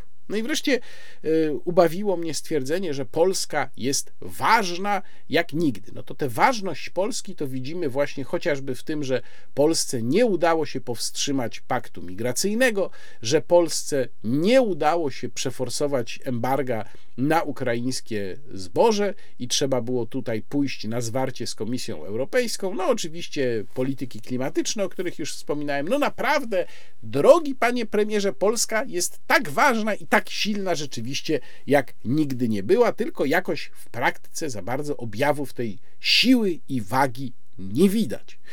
No i jeszcze jedno mm, stwierdzenie w wystąpieniu pana premiera, które było szczególnie ciekawe, mianowicie, że realizujemy KPO z polskich środków. No ja się w ogóle dziwię, że pan premier przypomniał o KPO, dlatego że no po pierwsze, y, jakby tak podsumować wszystkie obietnice pana premiera, ile razy już my te pieniądze z Krajowego Planu Odbudowy mieliśmy dostać, to pewnie by zrobił się z samych tych przypomnień niezłej długości artykuł, no ale przede wszystkim my cały czas nie wiemy, kto nam to KPO wynegocjował. KPO, które przypominam, nawiązując do pierwszej części tego wideoblogu, my już spłacamy, bo co prawda nie dostaliśmy z niego ani eurocencika, ale za to ten kredyt, no bo wzięliśmy to zobowiązanie na siebie, ten kredyt to my już spłacamy. Natomiast warto przypomnieć o tym, co w tym KPO jest, bo przecież to jest spis kilkuset warunków, tak zwanych mierników, które mają być przez jakiś tajemniczy komitet szacowane. Ja kiedyś o tym mówiłem w wideoblogu, odwołując się do takiego słynnego wystąpienia pana ministra Szynkowskiego, Wel, Szymona Szynkowskiego-Welsenka, który wtedy właśnie takimi tajemniczymi terminami to wszystko opisywał. Mówił na przykład właśnie, że jakiś komitet ewaluacyjny będzie ewaluował te, te, te, te czynniki, czy myśmy je spełnili, czy nie, ale według jakich kryteriów to będzie robił, to nie wiadomo. Tu trzeba przypomnieć, że sam KPO to jest 9 transz kredytowych i 9 transz tak zwanych bezzwrotnych, przy czym ta bezzwrotność jest oczywiście tylko symboliczna, bo przecież Znów powtarzam, my jesteśmy mm, y, obciążeni długiem, całość tego, tego funduszu opiera się na zadłużeniu, więc my go też spłacamy, tylko że nie w tej takiej bezpośredniej formie, ale te bezzwrotne niby części KPO spłacamy po prostu poprzez uczestnictwo w tym unijnym długu. Y, dla każdej z tych transz mm, y, w sumie 18 aneks do KPO wymienia te mierniki, które muszą zostać spełnione. No i te mierniki, to wśród nich jest wiele takich, co to nikt się nie chce przyznać, przyznać do tego, jak one się tam wzięły. No mamy taki na przykład miernik, który właściwie już powinien zostać spełniony, to jest objęcie ZUS-em wszystkich umów. To jest miernik A71G, bo on był wyznaczony na pierwszy kwartał 2023 roku i ceną mm, za to miała być transza na około 2 miliardy euro. E, przypominam, opłata rejestracyjna dla pojazdów spalinowych to warunek E3G. To jest szósta bezzwrotna transza 2,4 miliarda euro. I przypominam o tym dlatego, że ta sprawa niedawno wróciła. Zaczęła być przypominana właśnie w kontekście KPO przez niektóre media, że taki podatek trzeba będzie um, wprowadzić w Polsce. Nawet jeden z portali motoryzacyjnych, opierając się na podobnych rozwiązaniach w innych krajach, tak bardzo prowizorycznie wyliczył, że właściciel starszego auta w Polsce płaciłby rocznie, uwaga, 10 tysięcy złotych. Więc ciekaw jestem bardzo, co tutaj pan premier ma do powiedzenia. Mam, to, to jest podatek yy, od aut spalinowych, a jeszcze mamy opłatę rejestracyjną od samochodów spalinowych. Przepraszam, podatek to jest E4G, a E3G to jest opłata rejestracyjna. Czyli ta opłata rejestracyjna, ona ma wejść trochę wcześniej, a opłata podatek od posiadania samochodów spalinowych trochę później, no ale to i tak jest kwestia najdalej z tego co pamiętam y, trzech lat. O tym wszystkim szczegółowo swego czasu też mówiłem w wideoblogu, więc ja na miejscu pana premiera nie byłbym taki skory do tego, żeby o KPO w ogóle przypominać. No i to tyle, jeżeli chodzi o konwencję PiS. Daruję Państwu już tutaj wystąpienie Jarosława Kaczyńskiego. Ja sam nie byłem w stanie go też obejrzeć, bo tego się już po prostu nie da oglądać. To jest taka gomułkowszczyzna, że mm, po paru minutach już człowiek przysypia. No takie niestety są coraz bardziej wystąpienia Jarosława Kaczyńskiego i myślę, że to jest zresztą jedna z przyczyn, dla których Jarosław Kaczyński nie wystąpi na debacie w TVP. Oczywiście to nie jest jedyna przyczyna, myślę też, że chodzi tu o mm, pokazanie mm, twardemu elektoratowi Prawa i Sprawiedliwości, bo cała kampania PiS jest skierowana prawie wyłącznie do takiego elektoratu że y, pan prezes, naczelnik nie będzie tu jakiegoś Niemca Tuska legitymizował swoim występem, no to się tam zastępcę w postaci pana premiera Morawieckiego wyśle, który to pan premier pewnie i tak już premierem po ewentualnej wygranej PiS, gdyby PiS tworzył rząd, to i tak pewnie już pan Mateusz Morawiecki tym premierem nie będzie, więc w razie czego, nawet jak coś mu tam nie pójdzie, no to żadna straszna rzecz się nie stanie. Ale faktycznie Jarosław Kaczyński jest po prostu coraz mniej sprawny i to widać niestety w każdym jego um, publicznym wystąpieniu. Myślę, że on najzwyczajniej nie poradziłby sobie na żywo w debacie z Donaldem Tuskiem, który bardzo sobie radzi dobrze, bo on po prostu jest niezwykle sprawnym zawodnikiem demagogicznym, rzecz jasna, sprytnym, zmyślnym, dobrze się orientuje, no ale różnica pomiędzy nimi, mimo różnicy wieku, która sięga nawet nie dekady, jest naprawdę ogromna. Jak postawimy dzisiaj mm, obok siebie Donalda Tuska i Jarosława Kaczyńskiego, to ta różnica jest wręcz porażająca. Że rozliczymy no i tutaj przechodzę do marszu miliona serc, ale nie jestem w stanie Państwu powiedzieć ostatecznie, czy ten milion był, czy nie było. Oczywiście Donald Tusk tam twierdził z trybuny, że był milion. Ja nie wiem, bo no, jak ktoś słusznie na Twitterze zauważył, jesteśmy w XXI wieku i to w trzeciej jego dekadzie, a nadal nie mamy jakiegoś wiarygodnego, automatycznego narzędzia do liczenia takich tłumów porażki nie było. To znaczy, myślę, że liczba ludzi była wystarczająco duża, żeby nie móc ogłosić porażki frekwencyjnej tego marszu, ale myślę też, że miliona nie było. No, bardzo prowizorycznie zestawiając ze sobą różne szacunki i starając się z tego wyciągnąć jakąś rozsądną średnią, ja bym powiedział, że być może było około pół miliona ludzi. To jest oczywiście i tak bardzo dużo, chociaż daleko od tego mm, miliona. No ale ważniejsze jest to, co tam się działo. Jedna z tych ważnych rzeczy to to, że nie próbowano już spychać trzeciej drogi pod próg, najprawdopodobniej e, Donald Tusk, trzeciej drogi, której przedstawiciele, przypomnę, byli nieobecni i ogłosili, że będą nieobecni na tym marszu. Donald Tusk zorientował się najprawdopodobniej, że z powodu podziału, systemu podziału mandatów, zepchnięcie trzeciej drogi pod próg mogłoby dać e, na tyle dużą korzyść e, Zjednoczonej Prawicy, że pozostałoby wtedy stosunkowo niewiele miejsc do dobrania w Sejmie, żeby mieć większość, no i mogłoby to się skończyć porażką obozu opozycji, która sama siebie nazywa demokratyczną, żeby podkreślić, że ona bez konfederacji, bo konfederacja to niby jest ta niedemokratyczna. No w każdym razie y, marsz się odbył, no i cóż na tym marszu się działo, co tam było mówione, tutaj też chciałbym Państwu pokazać niezbyt długi skrót z wystąpień. Poproszę na scenę gościa być może niespodziewanego. Dla mnie bardzo, bardzo ważnego. Dla Was chyba wszystkich też. On będzie miał Wam coś bardzo poważnego do powiedzenia na tej drugiej scenie, gdzie spotkamy się ponownie, ale chciałby Wam dzisiaj, teraz, na początku tego marszu też powiedzieć jedno zdanie.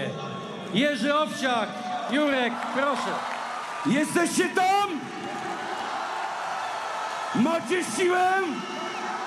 Macie siłę? Macie siłę? Moi drodzy, wyglądacie przepięknie. Chciałbym się powiedzieć wam wszystkim, że jesteście wspaniałymi, cudownymi Polakami, którzy przyjechali po to, aby o tej Polsce dzisiaj mówić. Więc za moment wyruszycie, będziecie mieli dwie godziny czasu, nawet może trochę więcej, aby ze sobą pogadać, aby się do siebie uśmiechnąć, aby się pośmiać i miejcie ten spacer głęboko w sercu, aby później 15 października spotkać się przy urnach. Dzidziu, kocham Ciebie i powtórzę Twoje słowa. Kobiety, także głosujcie, to jest nasz kraj, to jest nasze przytulenie, to jest nasz piękny, cudowny moment, aby o tym kraju jeszcze bardziej mówić, żeby był razem z nami, żeby nas tulił do serca, tak jak my go tulimy do serca. Wygramy! Okej, moi drodzy, już jesteśmy w ruchu. Więc się trochę rozruszajmy. Ręka do góry i pis! Ręka do góry i drugiej pis! I pomachajmy całemu światu! Pomachajmy całemu światu! Ruszamy, moi drodzy! Ruszamy, jeszcze raz! Kocham was za to, że tu jesteście. Trzymajcie się i idziemy! Wiek orkiestra. Moi drodzy, przed wami nikt inny jak ten, który wie jak wydobyć dobro z serc Polek i Polaków i robi to od kilkudziesięciu lat. Szanowni Państwo, przed wami Jurek Owsiak! Witam artyści. Siemano, dobrzy ludzie, moi drodzy, ale było fantastycznie. Macie siłę? Jak zdrowie po tym marszu? Bo o tym zdrowiu będziemy bardzo dużo mówili, kiedy znowu będziemy my to państwo organizowali. Znowu będziemy my to państwo organizowali. Znowu będziemy my to państwo organizowali. Kolejny marsz, kolejny marsz, jeżeli będzie taki marsz organizowany, zamawiamy super muzę, przejdźmy się po Warszawie, pięknym mieście, przejdźmy się po wszystkich polskich miastach, tańcząc, śpiewając, czując to, że jesteśmy w wspólnej Europie, że możemy marsze, maszerować nie tylko po to, aby walczyć o swoje prawa, ale żeby te miasta żyły naszym kolorem, który wywalczyliśmy 30 lat temu. Siermiężna Polska, krzywych chodników i sprzedaży ze, z łóżek polowych. A teraz jesteśmy w pięknym miejscu, w pięknym miejscu Europy, która nam zazdrościła jeszcze kilka lat temu tej werwy. Macie ją w sobie? Bądźmy różni, nie bądźmy jednakowi. Jak będziemy jednakowi, to będziemy jak pan Rakieta i Korea Północna. Bądźmy różni. Różnorodność nas uczy, różnorodność nam dodaje sił, mnie dodaje wyobraźni. Kiedy gramy z wielką orkiestrą, gramy ze wszystkimi. Kiedy mówimy często ludziom, jeżeli ci to przeszkadza, jeżeli nie chcesz grać z nami, to nie przeszkadzaj. Jeżeli jesteś z nami, daj z siebie wszystko. I dajcie wszystko, aby stworzyć kraj bardzo kolorowy, różnorodny, aby on nas tulił do serca, tak jak my go będziemy chcieli tulić do serca. Aby dbał o nas, tak jak my będziemy chcieli o niego dbać. Aby nie truć odry, aby dbać o przyrodę, aby żyć w zdrowym, zdrowym, pięknym kraju. I żeby wygrać z sepsą. wygrać z sepsą. Wygrać z sepsą. O jak dobrze was widzieć, o jak dobrze was słyszeć. Siemano dobrzy ludzie! Wygramy, wygramy, wygramy! Jak wyszedłem do Was dzisiaj w samo południe, tam na rondzie praw kobiet przy rotundzie, to patrząc na Was, powiedziałem z lekkim drżeniem serca, tak jak obiecałem, mamy nasz Marsz Miliona Serc. A kiedy doszedłem tutaj razem z Wami i dostałem meldunek od miasta, ale też przecież oczy nas nie okłamują. Gdzie nie spojrzę, niekończące się rzeki ludzi. I chcę Wam powiedzieć, że jest nas więcej niż milion. Oto bez kozery powiem 500. Zwyciężymy! Zwyciężymy! I widziałem wiele osób, które też ze wzruszenia, ze wzruszenia, nie ze smutku, ze wzruszenia płakały. Skąd się bierze ten impuls? Skąd się bierze to, że nagle tysiące i miliony samotnych ludzi, y, pesymistycznie nastawionych, bez wiary w zwycięstwo, nagle zamienia się w prawdziwą wspólnotę narodową?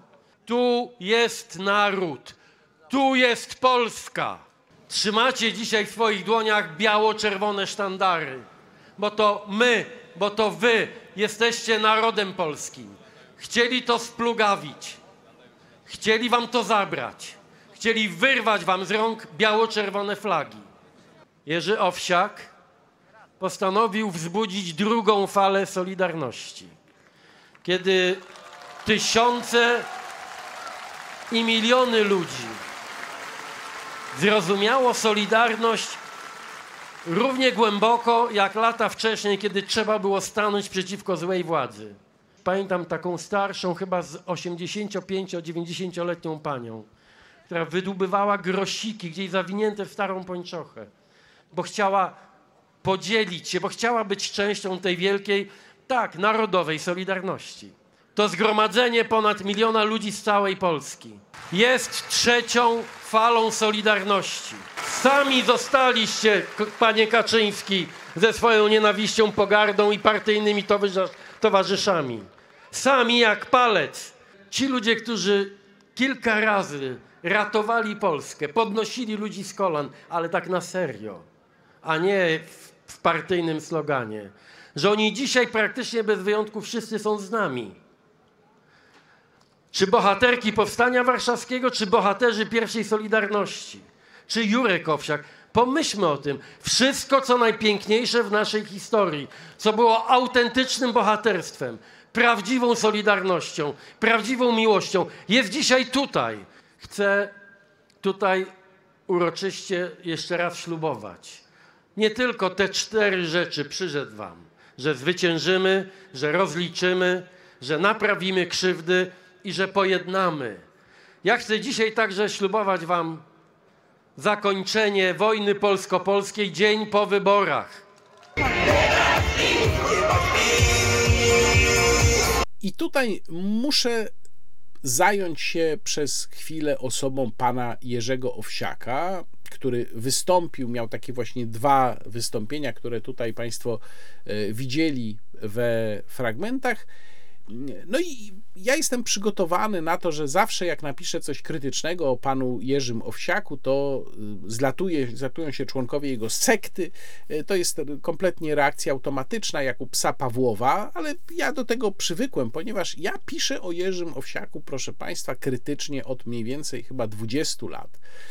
Pisałem o nim krytycznie wtedy, kiedy nikt tego jeszcze w głównym nurcie nie robił. No chyba byłem pierwszym publicystą, nie chwaląc się, który zauważył, jakiego typu mechanizmy tutaj grają rolę. I trochę muszę Państwu o tym opowiedzieć, bo jednak uważam, że to jego wystąpienie niedzielne no było w jakiś sposób również dla jego kariery przełomowe, w jaki sposób to za chwilę powiem. Ale najpierw muszę powiedzieć, że ja pisząc o Jerzym Owsiaku przez te dwie dekady, od samego właściwie początku skupiałem się na, powiedziałbym, światopoglądowo-politycznej stronie jego działalności, a nie na tej stronie finansowej. I w ogóle uważam, że skupianie się na stronie finansowej, czyli twierdzenie, że on tam coś ukrywa, e, przyglądanie się tym jego sprawozdaniom, no nie wiem, może tam coś jest, ale ja uważam, że to jest mniej istotne. To znaczy, to zaciemnia mm, nawet istotę rzeczy, istotę jego działalności. Oczywiście szacunek dla tych, którzy się domagają tych dokumentów, mają pełne prawo to robić, ale ja się tym nigdy nie zajmowałem, bo uważam, że to nie jest istota rzeczy. Istota rzeczy tkwi gdzie indziej. Oczywiście, jeżeli chcą Państwo poznać moją argumentację w detalach, to proszę użyć Google'a, wpisać warzecha, owsiak, pokaże się Państwu najprawdopodobniej wiele moich tekstów, bo myślę, że było ich nawet nie kilkanaście, ale kilkadziesiąt na przestrzeni tych dwóch dekad, które poświęciłem Jerzemu Owsiakowi, natomiast tutaj tylko bardzo krótko streszczę Państwu linię mojej argumentacji.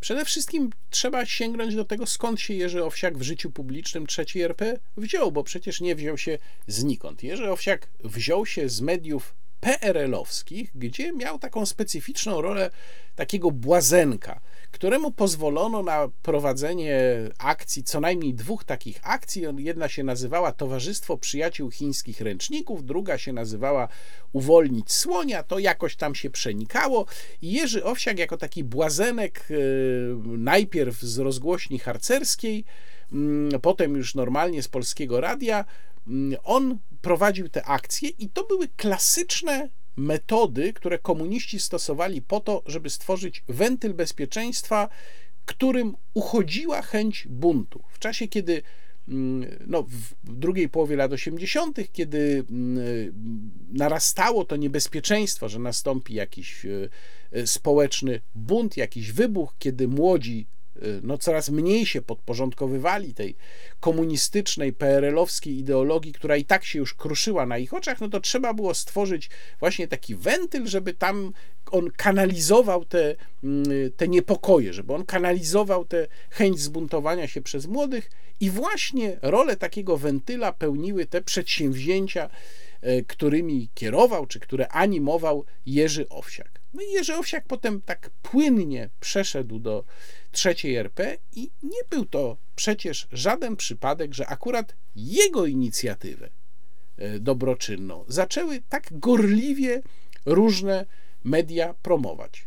E, było przecież dużo różnych dobroczynnych inicjatyw, w tym e, światopoglądowo zupełnie inaczej zorientowanych. No ale tak się jakoś złożyło, że właśnie najbardziej promowany zaczął być syn milicjanta, Y, który, tak jak powiedziałem, w PRL-u prowadził te programy, miał te inicjatywy, które były takim wentylem bezpieczeństwa, który ewidentnie mm, podkreślał taki swój moralny leseferyzm, który się kiedyś streszczał w haśle rób ta co chce ta. No, dzisiaj już tego hasła Jerzy Owsiak nie używa, ale kiedyś go używał bardzo chętnie.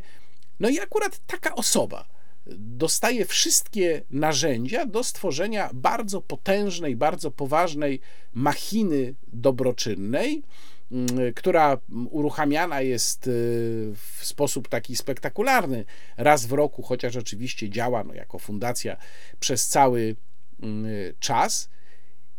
I po co to było potrzebne? No bo to nie są takie rzeczy, które się dzieją przypadkiem. Jak powiedziałem, inicjatyw dobroczynnych było bardzo dużo, można było promować też inną, ale nie. Postanowiono promować akurat Jerzego Owsiaka. Jerzy Owsiak był bardzo wygodny dla establishmentu trzeciej RP, zwłaszcza tego wywodzącego się jeszcze z porządku PRL-owskiego, ponieważ potrzebny był ktoś taki, kto zdobędzie sobie renomę takiego świeckiego świętego e, Jurasa od chorych dzieci, od ratowania chorych dzieci, czyli zbuduje sobie mm, kapitał e, moralnego wsparcia i jednocześnie wychowa sobie też sektę oddanych zwolenników, bo przecież ludzie, którzy bronią Jerzego Owsiaka, to tak naprawdę jest sekta. No ja też przez tę sektę byłem wielokrotnie atakowany nie jest też wykluczone, że tutaj zostanę przez nią zaatakowany za to, co mówię, ale do tego przywykłem.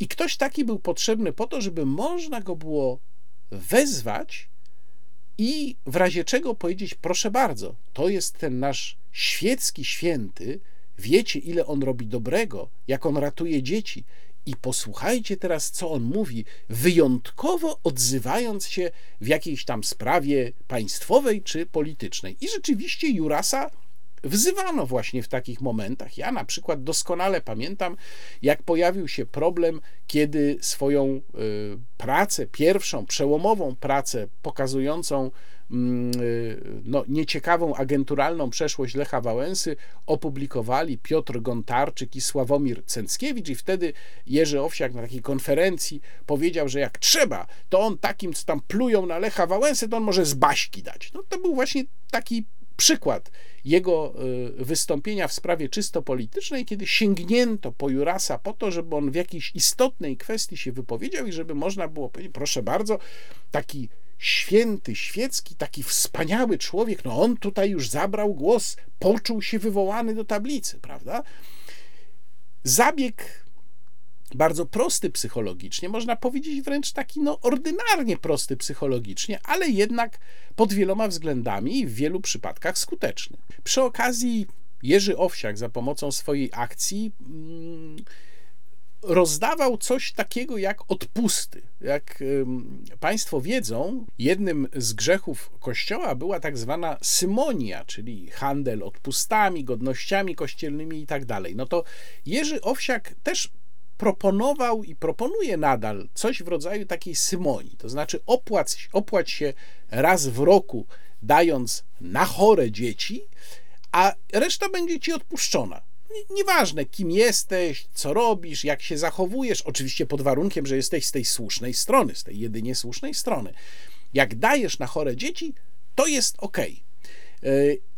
I jeżeli chodzi o to wzywanie Jerzego Owsiaka jako takiego autorytetu ostatniej szansy przez ten obóz lewicowo-liberalny, no to rzeczywiście przez długi czas działo się to tylko mm, rzadko, od wielkiego dzwonu, przy wyjątkowych okazjach. Natomiast mam wrażenie, że od paru co najmniej lat, nie wiem czy to się od 2015 roku zaczęło, czy może trochę jeszcze wcześniej, Jerzy Owsiak coraz bardziej zaczął się rozmieniać na drobne. No być może to jest też kwestia tego, że on sam się zrobił starszy, być może to jest e, kwestia tego, że przestał być już tak bardzo potrzebny, że przestał być takim wyjątkiem. Dużo się też zmieniło zresztą, no kiedyś nie było internetu, a w każdym razie internet nie miał takiego znaczenia, teraz dużo rzeczy się rozgrywa w internecie. Mam wrażenie, że ta pozycja Jurasa e, no jednak e, trochę osłabła, a on sam z kolei coraz chętniej zaczął wchodzić w bardzo bieżące komentarze i zapotrzebowania polityczne i dokładnie to właśnie zrobił tutaj. Przy czym dlaczego powiedziałem, że to był moment moim zdaniem przełomowy? Bo jemu się do tej pory jednak nie zdarzyło, moim zdaniem, nigdy w tak otwarty, w tak jasny, jednoznaczny sposób poprzeć konkretnej opcji politycznej i to jeszcze przed wyborami. No a przecież te billboardy, które Państwo pewnie widzieli, billboardy Wielkiej Orkiestry Świątecznej Pomocy, że tam zwalczymy, pokonamy sepsę. Oczywiście, że pokonamy zło, prawda, i tam sepsę małymi literkami w rogu.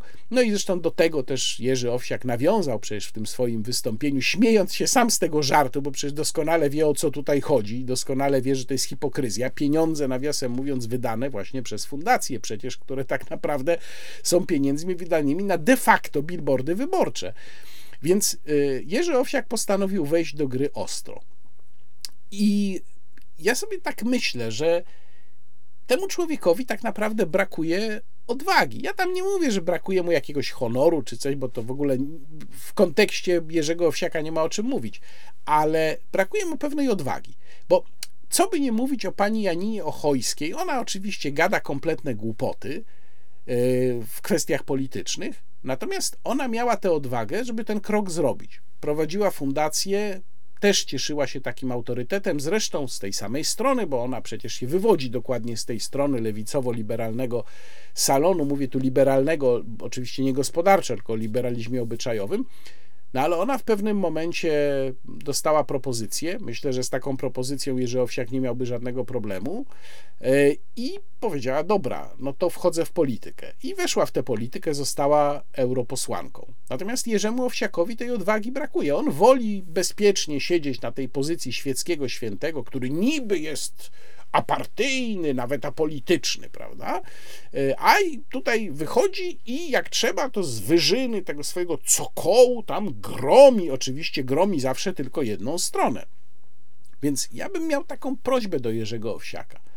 Szanowny panie Jerzy, Niech pan się nie boi, niech pan w końcu po prostu wejdzie w politykę. Pan tak pięknie zawsze mówi o tym, jak źle działają kolejni ministrowie zdrowia. No tutaj pan nawiązywał do sprawy respiratorów, zresztą poniekąd słusznie, bo przecież również NIK wytykał w swoim raporcie kwestię zakupu tych respiratorów. Dlaczego nie zostanie pan ministrem zdrowia? Ja bym tak zrobił. Jeżeli by powstał rząd opozycji, tej tak zwanej w cudzysłowie demokratycznej opozycji, to ja bym Jerzego Owsiaka powołał na ministra zdrowia. No przecież on świetnie wie, jak służba zdrowia powinna funkcjonować. Przecież, no, według swoich słów, ratuje ją od tylu lat tymi pieniędzmi Wielkiej Orkiestry Świątecznej Pomocy. No to proszę bardzo. Panie Jerzy, niech pan pokaże w końcu, co pan potrafi w polityce. Bardzo proszę. Zwłaszcza, że z ust Jerzego Owsiaka, jak być może Państwo zauważyli w tym fragmencie, padły takie bardzo charakterystyczne słowa, kiedy my znowu będziemy ten kraj organizowali. No to kogo miał na myśli Jerzy Owsiak? No przecież nie miał na myśli my, porządni obywatele, prawda? Nie. To, to był taki moment, powiedziałbym, pewnej psychologicznej szczerości Jerzego Owsiaka stojącego na scenie razem z Donaldem Tuskiem, Włodzimierzem Czarzastym, e, Robertem Biedroniem i tak dalej. To był ten moment, kiedy Jerzy Owsiak powiedział to my w imieniu tej elity, części elity trzeciej RP, która tam z nim stała na scenie. Tych właśnie miał na myśli, mówiąc, kiedy my znowu będziemy ten kraj organizowali. Że rozliczymy no jeszcze dwa słowa na temat tego, co opowiadał Donald Tusk z kolei w czasie tego marszu. Po pierwsze, trzeba zwrócić uwagę, że on użył, y, myślę, że kilkadziesiąt razy, chociaż dokładnie nie liczyłem, w czasie swojego wystąpienia słowa naród w różnych kontekstach. I, i tutaj widać, że no, ta retoryka Platformy Obywatelskiej się jednak bardzo zmieniła. Że Europa, Unia Europejska to się prawie nie pojawiało, ale tam ciągle było dumny naród, kiedy karły rządzą dumnym narodem. Nawet pojawiło się nawet sformułowanie, proszę Państwa, Wielka Polska, chyba ukradzione albo pożyczone od mojego kolegi Rafała Zimkiewicza. No, gdyby nie to, że w tym swoim drugim wystąpieniu Donald Tusk powiedział o rondzie Dmowskiego rondo praw kobiet, to bym powiedział, że to prawie tak, jakby przemawiał lider ruchu narodowego. Druga ciekawa sprawa w tym wystąpieniu była taka, że Donald Tusk rozpaczliwie dosyć starał się połączyć różne retoryki. On mówił dosyć długo. To wystąpienie było poza tym kompletnie bez treści. To była no w zasadzie taka czysta retoryka, ale też nasycona pewnymi emocjami, bo z jednej strony on mówił dosyć dużo o tym, że trzeba rozliczyć, prawda, ale jednocześnie od razu zastrzegał, że to rozliczenie to nie zemsta, a w ogóle to polityka miłości. Tam nawet było takie miejsce w jego wystąpieniu, gdzie powiedział: My natychmiast po wygranych wyborach zakończymy wojnę polsko-polską. No, ale ta wojna się zakończy, tu wyjaśniał dalej Donald Tusk, dlatego że przecież pokonamy tych drugich, że ich już nie będzie. No, czyli ta próba łączenia wody z ogniem polega na tym, że nie będzie już wojny polsko-polskiej, bo ci drudzy zostaną wdeptani w ziemię. Oczywiście on mówi niby o y, strukturze politycznej Zjednoczonej Prawicy, no ale brzmi to jednak tak i należy to tak odczytywać między wierszami, że mówi również o zwolennikach tej drugiej strony, czyli mamy politykę miłości, która jednocześnie jest polityką miłości tylko wobec swoich, co nie powinno być w żaden sposób zaskakujące, bo dokładnie tak właśnie Platforma Obywatelska zachowywała się w czasie swoich rządów w latach 2007-2015. Bardzo kochała, ale tylko swoich. Że rozliczymy Teraz jeszcze krótka informacja na temat głosowania. Będzie jeszcze więcej w wideoblogu przed samymi wyborami, który mam nadzieję uda mi się nagrać takim, z takim przesłaniem przedwyborczym, powiem trochę o ciszy wyborczej, bo to jest też temat, którym się zajmowałem przez wiele, wiele lat y, bardzo konsekwentnie. Uważam to za kompletny idiotyzm. Ciszę wyborczą uważam za kompletny idiotyzm. No ale to, tak jak powiedziałem w wideoblogu przedwyborczym. Natomiast teraz chciałbym Państwu tylko powiedzieć krótko o samym sposobie głosowania, dlatego że było dużo wątpliwości, jak to będzie wyglądało, jeżeli chodzi o kartę referendalną. Ja przypominam, już o tym mówiłem i konsekwentnie się tego trzymam. Nie zamierzam głosować w referendum. Oczywiście Państwu pozostawiam decyzję i w ogóle nie zamierzam namawiać do podjęcia identycznej decyzji jak moja. Natomiast ja nie zamierzam głosować, ponieważ niezmiennie uważam, że to referendum jest po prostu dosyć ordynarnym gwałtem na naszej inteligencji i zawiera takie populistyczne sformułowania, że ja nie będę się w tej sprawie wypowiadał. No ale też byłem ciekaw, jak to ma wyglądać, kiedy przyjdziemy do lokalu wyborczego, jeżeli oczywiście zdecydują się Państwo głosować, bo przypomnę, niegłosowanie jest też Państwa prawem, możliwością. E, no i co tam się wydarzy. I było wokół tego na tyle dużo wątpliwości, że Państwowa Komisja Wyborcza zdecydowała się w tej sprawie wydać e, uchwałę. Ta uchwała jest na stronach Państwowej Komisji Wyborczej, link do uchwały w opisie filmu. Uchwała z 25 mm, września i ona mm, w punkcie bodajże 48 klaruje sprawę jednoznacznie, czyli mówi, że głosujący w jednym miejscu, czyli przy jednym stoliku od jednego członka komisji, który ma jeden rejestr przed sobą, otrzymuje trzy karty do głosowania, czyli kartę do Sejmu, Senatu i kartę do referendum. To jest w jednym pakiecie, w jednym geście jest przekazywane wyborcy. Uchwała mówi również, że wyborca może odmówić przyjęcia dowolnej e, karty, również dwóch kart, czyli możemy powiedzieć, że nie chcemy karty do Senatu i Sejmu, tylko karty do referendum. Możemy powiedzieć, że nie chcemy tylko karty do referendum. Możemy powiedzieć, że nie chcemy karty do Senatu i referendum. Dowolna kombinacja. Natomiast uchwała mówi o tym, że w takim spisie w rubryce uwagi odnotowuje członek komisji to, że ktoś nie wziął karty danej karty. Tam nawet jest w uchwale napisane, że należy wpisać bez referendum, na przykład. Czyli mamy tutaj już jasność, jak to będzie rozwiązane. Wszystko będzie zapisane w jednym spisie wyborczym, będzie to odnotowane, że nie wzięliśmy karty referendalnej. Powiem szczerze, dla mnie decyzja jednak dziwna. Ja uważam, że jako, że są to dwa różne głosowania, które są też przeprowadzane na podstawie dwóch odrębnych ustaw. ustaw. To nie powinno być mm, połączone, no może być połączone w lokalu wyborczym, ale nie powinno być połączone na pewno u jednej osoby w jednym geście wydawania kart. No ale tak Państwowa Komisja Wyborcza postanowiła. No, tam oczywiście w tej uchwale są zastrzeżenia dotyczące zachowania prywatności. Między innymi jest taki zapis, żeby członkowie komisji używali bezwzględnie dostarczonych przez komisję okręgową osłon na rejestr wyborców, ten, w którym się podpisujemy. Wiedzą Państwo, jak to wygląda, taka y, maskownica z miejscem, gdzie tylko widać jedną rubrykę, czyli członek komisji przesuwa to y, i tylko widzimy to miejsce, gdzie sami mamy się podpisać, nie widzimy kto tam się gdzie podpisał, kto na przykład pobrał tę kartę referendalną, kto nie pobrał. Y, natomiast y, myślę, że tak jak mm, rozmawialiśmy zresztą w poprzednim y, podwójnym kontekście z Antonim Dudkiem, no, wiele osób będzie miało opór przed tym, żeby odmówić, no bo to jest taka reakcja psychologiczna, prawda? Jeżeli nam dają te karty, no to już trzeba wykonać pewien wysiłek, żeby odmówić wzięcia danej karty do głosowania. To jest co innego niż gdybyśmy po prostu mogli nie podejść do stanowiska, gdzie wydawane są karty do głosowania.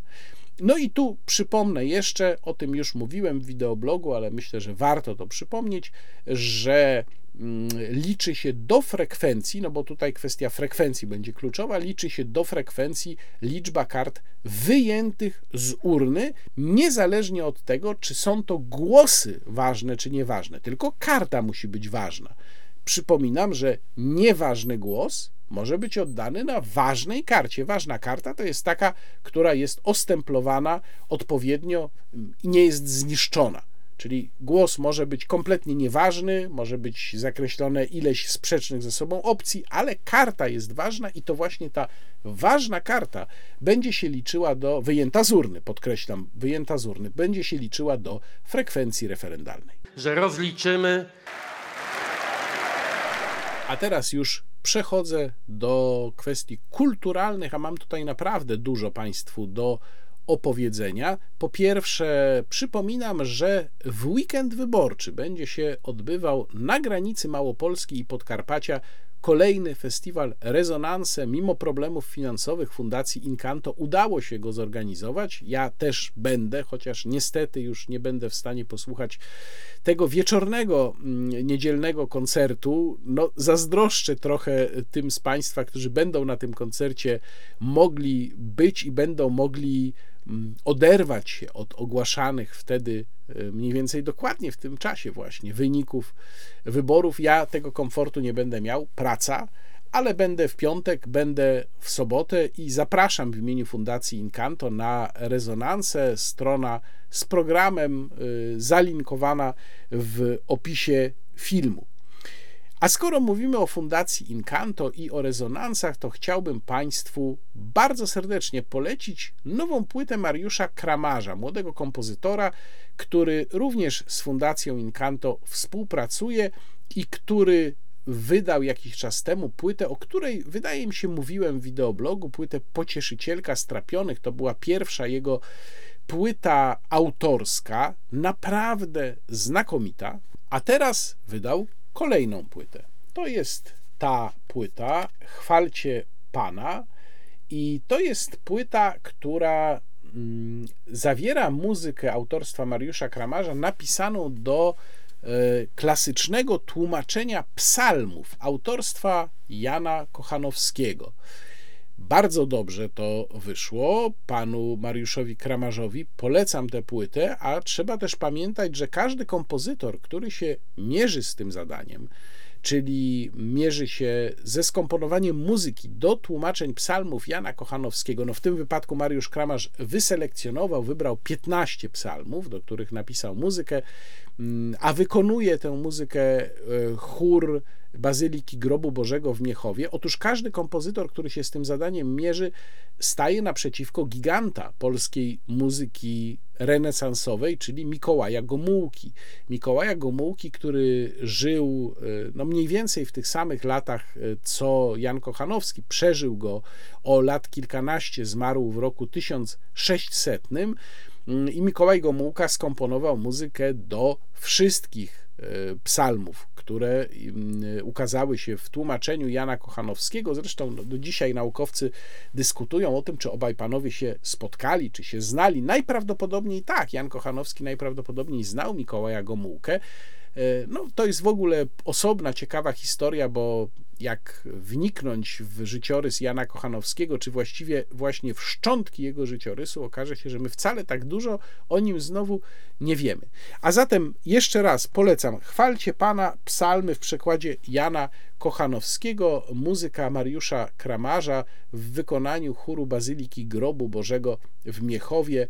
Płyta wkrótce będzie do kupienia w sklepie Fundacji Incanto i wtedy w moich mediach społecznościowych z pewnością dam Państwu o tym znać. Kolejna sprawa związana z kulturą, ale też z polityką, o której chciałbym Państwu powiedzieć, to zeszłotygodniowe otwarcie Muzeum Historii Polski, ale właściwie to jest bardzo ważne, chciałbym to podkreślić, nie samego muzeum, tylko gmachu Muzeum Historii Polski, gmachu budowanego od 2018 roku na terenach warszawskiej Cytadeli. W tej chwili otwarty jest gmach, i gmach jest już w pełni funkcjonalny, czyli również wszystkie miejsca, takie jak audytorium, takie jak sale konferencyjne, wszystko to już działa. Natomiast y, jeżeli chodzi o wystawę stałą, to tutaj muzealnicy potrzebują dwóch, no może trzech lat, jeżeli będzie jakiś, jakiś poślizg, bo zrobienie, zainstalowanie wystawy stałej w tak ogromnym muzeum jest to, y, jeżeli dobrze pamiętam, największe polskie muzeum, to jest duże wyzwanie. Na razie mamy y, wystawę czasową, można powiedzieć, niewielką. To znaczy, ona nie jest tak naprawdę niewielka, jeżeli chodzi o liczbę eksponatów, nawet jeżeli chodzi o kubaturę pomieszczenia, w którym się znajduje, natomiast jest niewielka w zestawieniu procentowo z tym, co ostatecznie będzie w Muzeum Historii Polski. I dlaczego ja o tym wszystkim mówię? No, po, poza tym, że w ogóle namawiam Państwa, żeby się tam przejść na tereny Cytadeli, obok zresztą mm, gmachu Muzeum Historii Polski jest nowy gmach Muzeum Wojska Polskiego także, ale mówię o tym wszystkim dlatego, że e, uważam, że Muzeum Historii Polski powinno być projektem państwowym. To powinien być jeden z tych projektów kompletnie wyłączonych z wojny partyjnej, wojny politycznej. I o tym napisałem zresztą tekst w Rzeczpospolitej, linkuję do tego tekstu także w opisie filmu. Przypomnę, jakie były losy Muzeum Historii Polski. To był projekt założony, to znaczy powołanie muzeum nastąpiło w roku 2006, czyli zarządów tak zwanego pierwszego PiSu. Dyrektorem od tamtego czasu tego przedsięwzięcia przez cały czas jest Robert Kostro. Muzeum, chociaż nie miało siedziby, to organizowało wystawy, organizowało wystawy gościnnie, organizowało wystawy plenerowe, więc to nie jest tak, że to była placówka, która nic nie robiła, tylko siedzieli tam ludzie i przejadali pieniądze. Wręcz przeciwnie, nie tylko przygotowywano koncepcję muzeum, ale też de facto muzeum działało, tylko że działało bez swojej siedziby. Y, potem były czasy Platformy Obywatelskiej i tutaj no, trzeba też uczciwie powiedzieć, że zwłaszcza pan minister Zdrojewski nie był przychylny projektowi muzeum i po prostu nie posuwał go do przodu, nie sprzyjał posunięciu go do przodu, ale w tym czasie też zmieniała się koncepcja. Być może niektórzy z Państwa pamiętają, że pierwotnie muzeum miało powstać nad trasą łazienkowską. Trasa łazienkowska miała zostać przykryta taką wielką płytą i na tej płycie miało stanąć właśnie właśnie Muzeum Historii Polski, ale za sprawą decyzji pani minister Małgorzaty Omilanowskiej, ostatniej minister kultury w rządach Platformy Obywatelskiej. I tu właśnie trzeba oddać sprawiedliwość i ukłonić się pani minister Omilanowskiej. Dla Muzeum Historii Polski został przekazany inny teren, czyli został przekazany właśnie teren na warszawskiej Cytadeli. I myślę, że to była dobra decyzja, patrząc z perspektywy czasu ta, ten projekt z przykryciem trasy łazienkowskiej prawdopodobnie wywołałby jakieś gigantyczne mm, trudności techniczne. Takie zresztą były e, szacunki wkrótce po tym, jak on powstał. Wyglądało to bardzo efektownie, ale byłoby koszmarnie drogie i sprawiłoby ogromne problemy inżynieryjne. Znacznie łatwiej i też taniej było zbudować ten gmach tam na terenach Cytadeli. No potem nastały rządy Prawa i Sprawiedliwości i tutaj znów przy wszystkich moich zastrzeżeniach trzeba oddać także sprawiedliwość panu ministrowi Piotrowi Glińskiemu, bo akurat ten projekt on rzeczywiście pilotował i tego projektu dopilnował. I moglibyśmy się oczywiście przerzucać, kto tutaj zrobił źle, kto zrobił dobrze, kto ma większe zasługi. Natomiast w momencie otwarcia tego gmachu pan dyrektor Robert Kostro, który zresztą będzie też w ciągu najbliższych tygodni gościem y, na moim kanale i poproszę, żeby opowiedział o tym, jak powstawało Muzeum Historii Polski, oddał naprawdę sprawiedliwość wszystkim tym, którym powinno się tę sprawiedliwość oddał, bo, oddać, bo wymienił i właśnie panią minister Małgorzatę Omilanowską i świętej pamięci e, Władysława Bartoszewskiego e, i Kazimierza Michała Ujazdowskiego jako tę osobę, która również tutaj bardzo dobrze pilotowała muzeum wymienił, wspomniał świętej pamięci Tomasza Mertę, który przecież był wiceministrem kultury i za pierwszego PiSu, i potem do swojej śmierci w 2010 roku za Platformy Obywatelskiej. No to taka postać z punktu widzenia dzisiejszej plemienności podniesionej na niesamowicie wysoki poziom, postać wręcz powiedziałbym antysymboliczna, w tym sensie, że Tomasz Merta był antysymbolem tego, tej zajadłości Tutsich i Hutu. Więc y, mój apel, który w tym tekście również zawarłem, jest taki, żeby uważać Muzeum Historii Polski za projekt państwa, które potrzebuje polityki historycznej i potrzebuje takiego miejsca. Polska ma na tyle bogatą historię i na tyle wspaniałą i na tyle ciekawą, że to muzeum tak naprawdę powinno było powstać już dawno. I tam jest takie ciekawe miejsce na tej czasowej wystawie, mianowicie jest gablota, w której są różne przedmioty związane z działalnością opozycji w latach 70. i 80. I w tej gablocie, w tej jednej gablocie, no tam na różnych półkach, ale właściwie obok siebie, stoją mm, ramka sitodrukowa wykorzystywana przez Solidarność Walczącą i to jest dar Mateusza Morawieckiego oraz maszyna IBM, która miała być wykorzystywana przez polską opozycję i to jest dar Eugeniusza Smolara.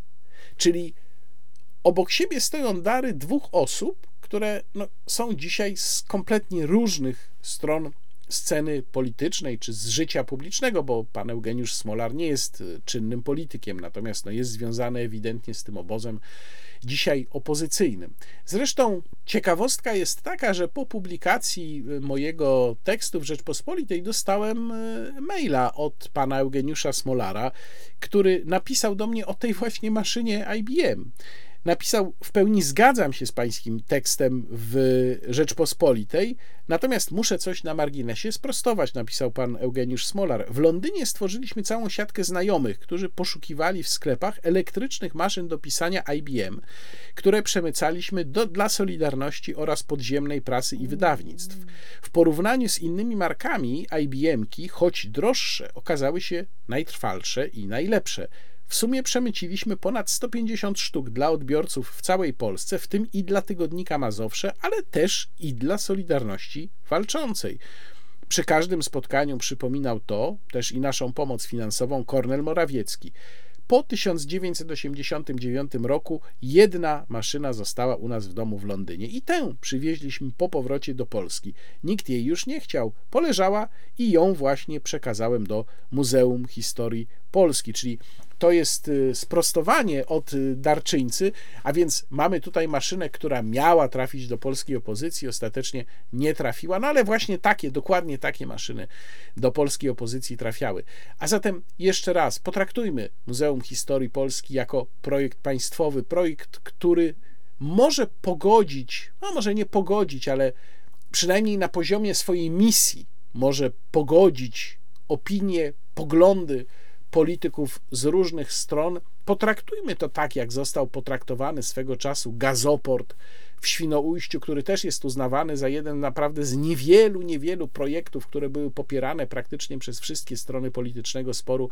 Zróbmy ten wyjątek również dla Muzeum Historii Polski. I jeszcze jedna e, rekomendacja E, proszę zobaczyć, póki mają Państwo czas, bo to jeszcze tydzień, włącznie z weekendem wyborczym, wystawę Przebudzeni ruiny antyku i narodziny włoskiego renesansu. Ta wystawa na Zamku Królewskim w Warszawie. Zwiedzałem tę wystawę, muszę powiedzieć, że jest to jedna z najlepiej zorganizowanych narracyjnie wystaw, na jakich byłem. E, ona również jest ciekawa ze względu na eksponaty, które na niej zgromadzono, eksponaty, które dzieła sztuki, które przyjechały bardzo często z odległych miejsc, nawet ze Stanów Zjednoczonych, nie tylko z europejskich muzeów. I to są e, często perełki, których normalnie w polskich muzeach nie ma, takie jak choćby obraz Sandro Botticellego, Sąd Parysa. No, Sandro Botticelli właściwie prawie na pewno ten obraz malował, on jest przypisywany Botticellemu, plus wykończenie pracowników jego e, pracowni, malarzy mm, pomagających mu w pracowni. Natomiast jest to obraz Botticellego, tak jest kwalifikowany, e, ale chyba od samej, samych tych zabytków ważniejsze jest to, co ta wystawa nam pokazuje. A mianowicie ona pokazuje w bardzo ciekawy sposób, choć nie trzymając się porządku chronologicznego, pokazuje, jak bardzo antyk przeniknął do renesansu. Jaka tu jest ciągłość? Tę ciągłość widać na niektórych przykładach zupełnie dosłownie. Na przykład wtedy, kiedy widzimy dzieła, które są renesansowymi kopiami dzieł antycznych i często są to kopie z kopii. To znaczy, w renesansie skopiowano kopię antyczną rzymską, która z kolei powstała na podstawie pierwowzoru antycznego greckiego, który już nie przetrwał. Tak na przykład jest ze słynną rzeźbą chłopiec duszący gęś. Mamy też przykłady dzieł, które pokazują te same wątki mitologiczne w stylizacji antycznej i w stylizacji renesansowej. E, wspomniany przeze mnie obraz Botticellego Sąd Parysa jest e, zestawiony z freskiem który pochodzi z willi, bogatej rzymskiej willi w Pompejach, no czyli mniej więcej tam z lat 70. naszego wieku. I ta sama scena przedstawiona na dwa kompletnie różne sposoby, chociaż jak się przyjrzeć Parysowi, to można odnieść wrażenie, że on tak samo jest strapiony na obu tych wizerunkach. Inny taki motyw, który się pojawia też w dwóch stylizacjach, i tej antycznej, i tej renesansowej, to z kolei uprowadzenie czy wprowadzenie Heleny na statek Parysa, zwanego też, jak wiadomo, Aleksandrem, wtedy, kiedy była ona mm, porywana czy wykradana z domu swojego męża Menelaosa z Myken, po to, żeby z Parysem popłynąć do Troi. No i potem oczywiście z tego wynikła wojna trojańska. Jak wiadomo, Iliada tego wydarzenia mm, nie pokazuje. Iliada pokazuje e, ostatnią fazę trwającej 10 lat wojny trojańskiej, ale mm, ten, ten wątek e, oczywiście odebrania czy uprowadzenia Heleny jest też w Iliadzie wspomniany na zasadzie retrospekcji. Także tutaj też mamy przykład tego, jak pokazywano tę samą scenę w renesansie, jak ją pokazywano w starożytności. Wreszcie mm, wątek, który wywarł na mnie szczególne wrażenie, to wątek Domus Aurea, czyli Złotego Domu. To było miejsce odnalezione na początku XVI wieku w Rzymie przy okazji jakichś prac remontowych czy budowlanych. Dokopano się do czegoś, o czym sądzono, że są to groty, i w tych grotach okazało się, że są bardzo bogato zdobione sufity, ściany, że są jakieś dzieła sztuki, zresztą w dużej mierze przysypane gruzem. Te pomieszczenia były przysypane gruzem, czasem prawie pod sam sufit. I tam szybko bardzo zaczęli ściągać artyści, bo się okazało, że to właśnie jest coś starożytnego. Potem dopiero okazało się, że nie są to groty, że to jest nieukończony wielki kompleks, który budowano dla cesarza Nerona. Y, co zresztą w czasie jego budowy wywołało wściekłość ludu rzymskiego, no bo kosztowało to ogromne pieniądze, podczas kiedy ludziom się działo tak średnio. Mm, kompleks nie został ukończony, bo Neron, jak wiadomo, został zamordowany.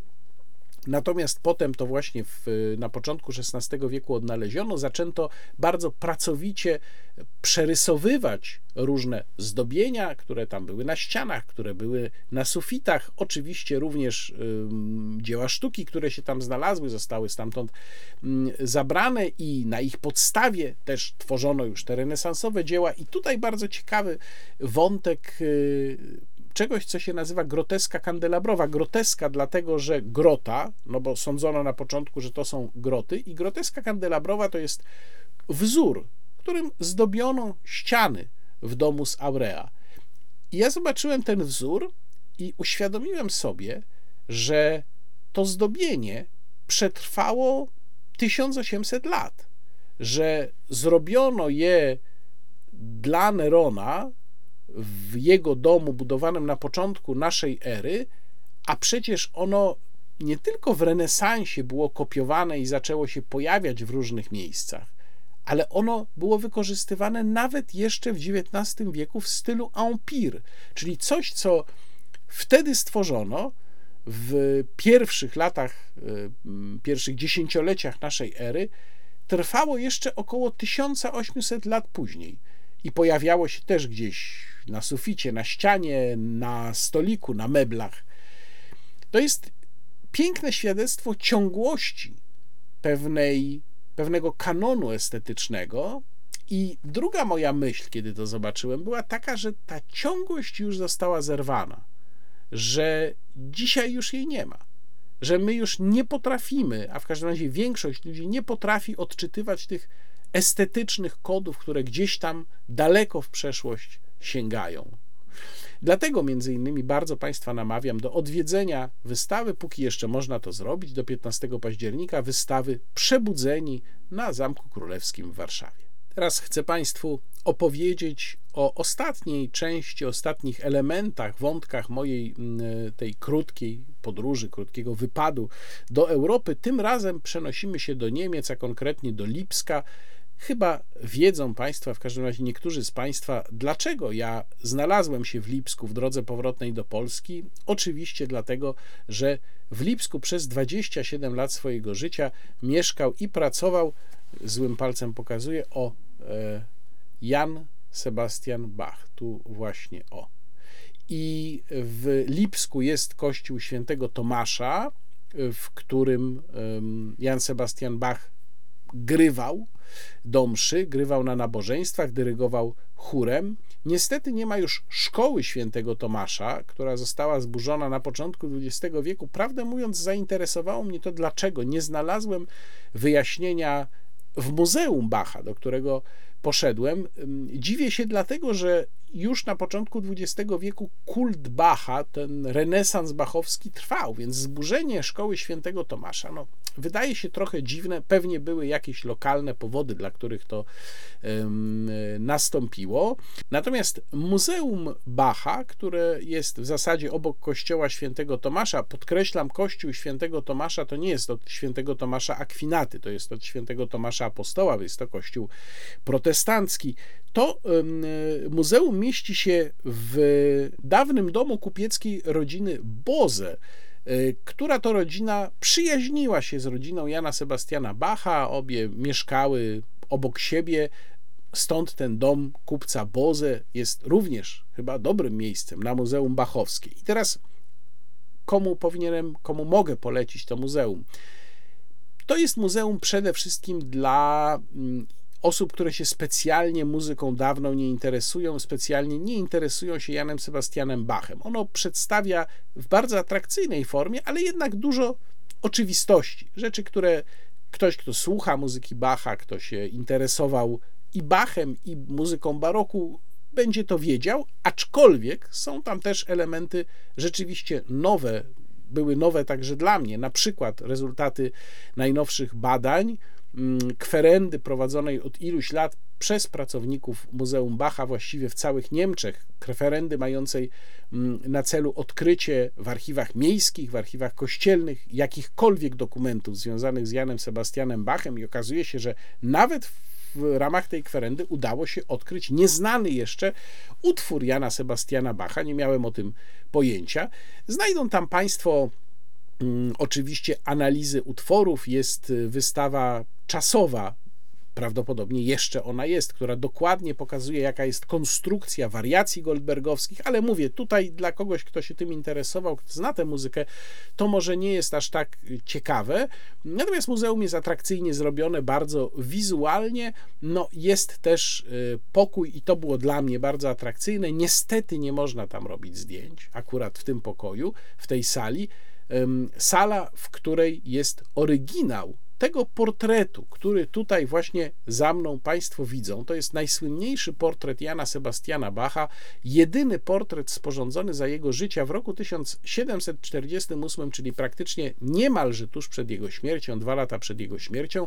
Portret autorstwa Gottloba Hausmana, który to portret musiał powstać, ponieważ na zamówienie Bacha, ponieważ y, każdy z mm, muzyków przyjmowanych do tak zwanego Towarzystwa Mitzlerowskiego, które to Towarzystwo Mitzlerowskie mm, skupiało muzyków y, mm, znających się czy, czy zajmujących się taką bardzo wysublimowaną na wysokim poziomie teorią muzyki i włączających Y, tę teorię do swoich kompozycji. Każdy z takich muzyków wstępujących, przystępujących do Towarzystwa Mitzlerowskiego musiał taki portret Towarzystwu Mitzlerowskiemu przekazać. Jan Sebastian Bach zamówił ten portret już z pewnym opóźnieniem w stosunku do swojego przystąpienia do tego towarzystwa, no ale właśnie jest w tej sali tam ten portret, oryginał, a także jeszcze dwie kopie, chyba też właśnie autorstwa e, Gottloba Hausmana, który po prostu mm, odmalował jeszcze te, te, te, te obrazy z tego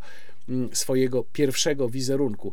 E, więc tak, ja namawiam oczywiście do tego, żeby to Muzeum Jana Sebastiana Bacha odwiedzić, ale przede wszystkim namawiam do tego, żeby wejść do naprawdę pięknego, imponującego kościoła świętego Tomasza, który jest w środku, tak no powiedziałbym po protestancku pusty, ale tam też jest sporo ciekawych miejsc do obejrzenia wewnątrz. Są obrazy, sama ta przestrzeń, można sobie wyobrazić, jak tam brzmiały koncerty, którymi dyrygował sam Jan Sebastian Bach. Koncerty się tam oczywiście odbywają do dzisiaj. No i przede wszystkim w prezbiterium, to prawdę mówiąc nie wiem, czy prezbiterium to jest dobre określenie w przypadku kościoła protestanckiego, no ale w tej części kościoła, który w kościele katolickim byłby prezbiterium, znajduje się grób Jana Sebastiana Bacha, słynny, znany z różnych fotografii, taka płyta miedziana właśnie poświęcona Janowi Sebastianowi Bachowi. I tu może warto opowiedzieć anegdotę, jak Jan Sebastian Bach czy właściwie jego doczesne szczątki, znalazły się właśnie w tamtym miejscu. Ponieważ Jan Sebastian Bach po swojej śmierci w roku 1750 nie został wcale pochowany w kościele świętego Tomasza, ani nawet nie został pochowany na cmentarzu przy kościele świętego Tomasza. Jan Sebastian Bach został pochowany przy kościele świętego Jana, tylko że nie wiadomo było dokładnie gdzie. Y, mówię teraz o czasach, kiedy no, zaczęto Bacha szukać, czyli w XIX wieku. No i y, znaleziono w pewnym momencie w 1894 roku odnaleziono y, grób Bacha, obok którego, czy grób mężczyzny, który miał być Bachem, obok którego pochowana była kobieta. Y, no i tutaj zakładano, że ta kobieta to jest Anna Magdalena Bach, czyli druga żona Jana Sebastiana Bacha, śpiewaczka, którą on poznał w Köthen, tam się z nią y, ożenił, no i przyjechał już z nią jako swoją żoną do mm, Lipska. Jego pierwsza żona, Maria Barbara Bach, zmarła też w Köthen właśnie, y, więc Bach był wdowcem, ożenił się z y, Anną Magdaleną Bach. I nad, badania nad tymi szczątkami prowadził profesor anatomii Wilhelm His na podstawie różnych mm, przesłanek, w tym takich charakterystycznych podobno dla organistów zniekształceń szkieletu odnalezionego w tym grobie, uznał, że to musi być właśnie organista. Mniej więcej zgadzały się na podstawie oceny takiej, jakiej wtedy można było dokonać daty tego pochówku. Zgadzało się również to, że został pochowany ten człowiek w trumnie bukowej, a podobno trumny bukowe w Lipsku były zarezerwowane dla wybitnych obywateli i w całej historii Lipska, kiedy to miało jeszcze jakieś znaczenie, oczywiście pochowano w takich trumnach zaledwie 12 osób. No, Dzisiaj się kwestionuje te ustalenia Hisa, to znaczy niektórzy twierdzą, że to jednak nie były szczątki Bacha. Można by to ustalić w zasadzie ponad wszelką wątpliwość, gdyby porównać te szczątki znalezione wtedy przez Wilhelma Hisa z DNA y, syna y, Jana Sebastiana Bacha, Karla Filipa Emanuela Bacha, który jest pochowany w Hamburgu, ale takich badań porównawczych do tej pory nie przeprowadzono. No i teraz y, skąd się wziął Jan Sebastian Bach w takim razie w kościele świętego Tomasza, bo jego nie pochowano y, po odnalezieniu tam, tylko nadal te zwłoki leżały, tylko że były przeniesione do kościoła świętego Jana. A kościół świętego Jana został zbombardowany w roku 1943, znalazł się w ruinach. No i gdzieś tam też ta trumna Bacha była w tych ruinach. Po wojnie zarządzono poszukiwania tej trumny Bacha. Mm, no i tymi poszukiwaniami y, zajął się y, majster murarski Małecki. Ten majster murarski Małecki, no ewidentnie polskie nazwisko, nigdzie nie pojawia się jego imię i on w roku 1949, a dokładnie 28 lipca w ruinach kościoła świętego Jana, odnalazł trumnę, co do której miał absolutną pewność, że to jest właśnie ta trumna, no, poznał to z opisu, ona była zresztą uchylona, otwarta, te szczątki było widać. I tutaj y, zaczyna się najlepsza część. Jak przeczytałem te anegdoty, dowiedziałem się o niej, to majster murarski Małecki stał się moim absolutnym bohaterem ponieważ on wziął swojego pomocnika, nie mówił kompletnie nic nikomu, niczym się nie chwalił, no pewnie był takim prostym człowiekiem dobrej roboty, wziął tę trumnę na wózek, przeciągnął przez ten zrujnowany Lipsk do kościoła świętego Tomasza, tam znalazł intendenta parafii i temu intendentowi powiedział e, lakonicznie, tak, iść bring den Bach, czyli witam, przywiozłem Bacha. I w ten oto sposób majster murarski Małecki przyczynił się do tego, że Jan Sebastian Bach został pochowany no, po pewnych tam też przenosinach. Najpierw był w innym miejscu, w, ale już w kościele świętego Tomasza i potem ostatecznie właśnie w tym prezbiterium pod tą miedzianą płytą, którą dzisiaj znamy. Jeżeli ktoś był, no to widział ją bezpośrednio, ale ja znałem też to wcześniej z fotografii, bo to się na wielu fotografiach pojawia. Pomyślałem sobie, jak poznałem tę anegdotę o majstrze murarskim, małeckim, że można by z tego naprawdę niezłą etiudę filmową zrobić, albo opowiadanie zatytułowane na przykład Człowiek, który odnalazł Bacha. Inne ciekawe miejsce w y, Lipsku, które warto zobaczyć, to jest Muzeum Stasi, czyli niemieckiej służby bezpieczeństwa, mieszczące się w tak zwanym domu z okrągłym narożnikiem Rundeneckehause, który to dom z okrągłym narożnikiem był siedzibą lipskiego oddziału y, Stasi i tam w roku 1990 weszli przedstawiciele tak zwanego obywatelskiego komitetu z Lipska. No to już był ten moment, kiedy NRD się waliło i te takie komitety powstawały w różnych miastach i zajmowały między innymi właśnie siedziby Sztazji. I ciekawostka polega na tym, że to muzeum jest w zasadzie odtworzeniem, nie, źle mówię, nie odtworzeniem. Ono pokazuje zastany stan wtedy przez przedstawicieli tego komitetu, ponieważ oni bardzo szybko zdecydowali, że tam będzie muzeum i nie zdążono tam niczego zmienić. Oczywiście poukładano te przedmioty, zgromadzono eksponaty, ale całe to wnętrze jest takie, jak to wyglądało na początku lat 90., kiedy weszli tam przedstawiciele Komitetu Obywatelskiego, czyli są te same drzwi, te same koloryfery, farba nawet jest ta sama, albo przynajmniej w tym samym kolorze, więc atmosfera rzeczywiście jest taka, jak musiała tam panować. No, oczywiście też była pewna atmosfera grozy, wiadomo, że to była służba bezpieczeństwa, ale mówię teraz o samej estetyce, jeżeli tu w ogóle o czymś takim można mówić, tego, mm, tego miejsca. Co ciekawe, w drugiej części tego budynku y, mieści się biuro, w którym można złożyć wniosek o y, zapoznanie się z aktami dotyczącymi danej osoby, aktami sztazji. Oczywiście z tych, które pozostały dostępne, bo w NRD, podobnie jak w Polsce, funkcjonariusze sztazji namiętnie akta starali się zniszczyć, tak żeby one się nie dostały w mm, ręce w ich mniemaniu niepowołane. I tutaj jest ciekawa różnica z Polską, bo w ogóle najciekawsze jest, jak się zwiedza to muzeum, wychwytywanie tych różnic jest to o tyle łatwe, że co prawda opisy są wyłącznie po niemiecku, ale za to jest bardzo dobry audioprzewodnik po polsku, który Państwu polecam, jeżeli oczywiście ktoś nie zna niemieckiego, zwłaszcza wtedy.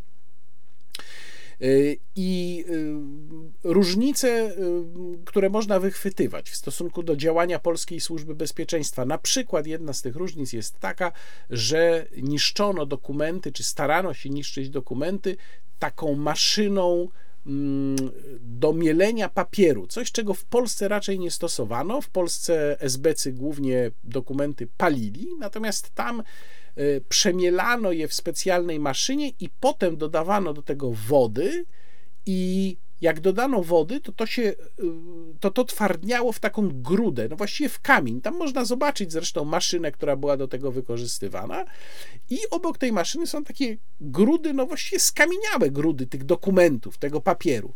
Pozostało około 180 km akt. Inne ciekawostki w tym muzeum mm, są takie jak sprzęt y, do szpiegowania obywateli, na przykład świetna niemiecka optyka, teleobiektywy, które Stasi wykorzystywała. No, y, także elementy mm, urządzeń do kontroli korespondencji, czyli do takiego y, mm, otwierania, dyskretnego otwierania listów, ale też bardzo interesujące są te elementy, które dotyczą, czy te eksponaty, wątki, które dotyczą już ostatniego okresu istnienia NRD, czyli Y, rok 89, nawet początek roku 90. Na przykład w pewnym miejscu możemy znaleźć wypracowanie ucznia, który w tym wypracowaniu skrytykował to, jak działa NRD. Między innymi bardzo mocno skrytykował system ekonomiczny, który wpycha obywateli w biedę i to wypracowanie było napisane w 1989 roku, czyli już pod sam koniec istnienia NRD i Stasi się zajęła tym chłopakiem. Jego matka pracowała, jeżeli dobrze pamiętam, w Filharmonii, Stasi tam odwiedziła dyrektora, e, pytała dyrektora, czy on wie, że mm, dziecko, je, jego pracownicy wypisuje takie rzeczy, no próbowano tam ewidentnie nacisnąć. Mm, dyrektor podobno się przeciwstawił, powiedział, że jego prywatne życie pracowników nie interesuje, no wtedy już widocznie mógł to zrobić. To był taki już bezpieczniejszy moment. W każdym razie potem NLD się rozwaliło i już ta sprawa nie została posunięta dalej. No mnóstwo takich ciekawych historyjek w tym muzeum Państwo znajdą. I ja zwiedzając je, zadałem sobie jedno podstawowe pytanie. Dlaczego nie ma takiego muzeum w Polsce? Dlaczego w Polsce nie ma Muzeum Urzędu Bezpieczeństwa Służby Bezpieczeństwa? I na to pytanie to już muszą sobie Państwo odpowiedzieć sami.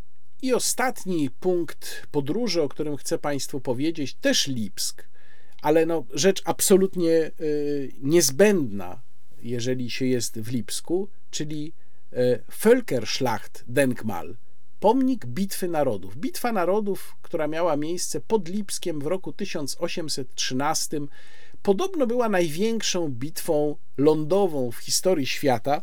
Starło się tam ponad pół miliona ludzi. To było 190 tysięcy Francuzów wraz z, ze sprzymierzonymi i 360 tysięcy Prusaków, Austriaków, Szwedów, Rosjan po drugiej stronie. To była ta bitwa, w trakcie której książę Józef Poniatowski został mianowany przez Napoleona marszałkiem Francji, pierwszym obcokrajowcem, który został mianowany marszałkiem Francji. No, jak wiadomo, potem w czasie dosyć chaotycznego odwrotu, bo Napoleon przegrał tę bitwę, zaczął się wycofywać podczas dosyć chaotycznego odwrotu w przepływającej przez Lipsk rzeczce Elsterze książę Józef Poniatowski utonął. Zginęło w tej bitwie około 110 tysięcy ludzi, mm, no ponieważ wygrała ją koalicja antyfrancuska, więc w XIX wieku, właściwie wkrótce po tej bitwie, zaczęły się pojawiać pomysły, żeby ją upamiętnić. Bardzo długo te pomysły nie trafiały z różnych powodów na podatny grunt, również dlatego, że w pewnym momencie takie tendencje do jej upamiętnienia skanalizowało zjednoczenie państwa pruskiego, które niejako ten sentyment nacjonalistyczny pruski zagospodarowało ale w roku 1898 zaczęto wreszcie budowę tego gigantycznego pomnika i to jest rzeczywiście, muszę Państwu powiedzieć, coś, czego ja nigdy nie widziałem. Oczywiście różne duże struktury człowiek widział, ale to jest największa struktura pomnikowa w Europie.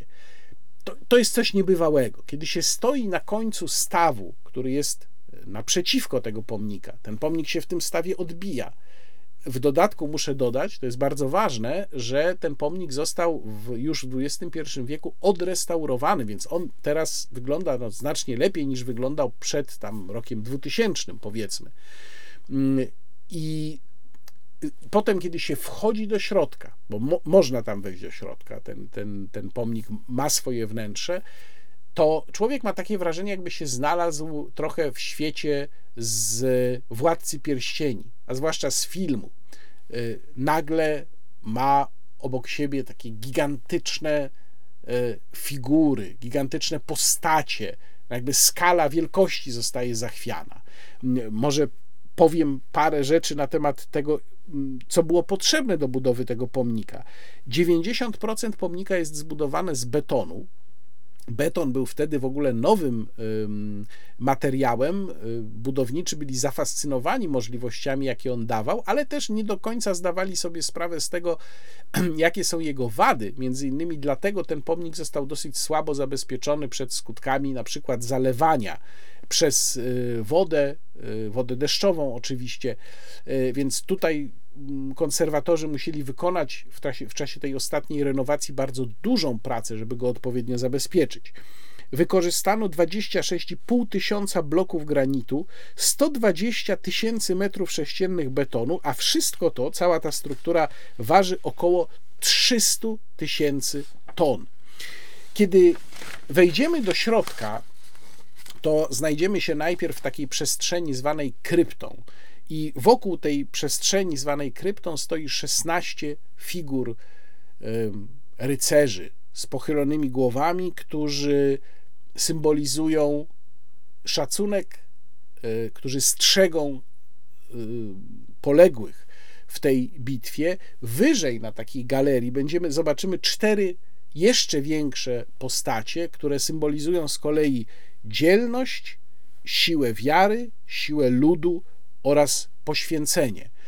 Możemy wejść jeszcze wyżej na galerię przeznaczoną dla chóru, która do momentu y, otwarcia pomnika po renowacji nie była dostępna dla zwiedzających, teraz już jest.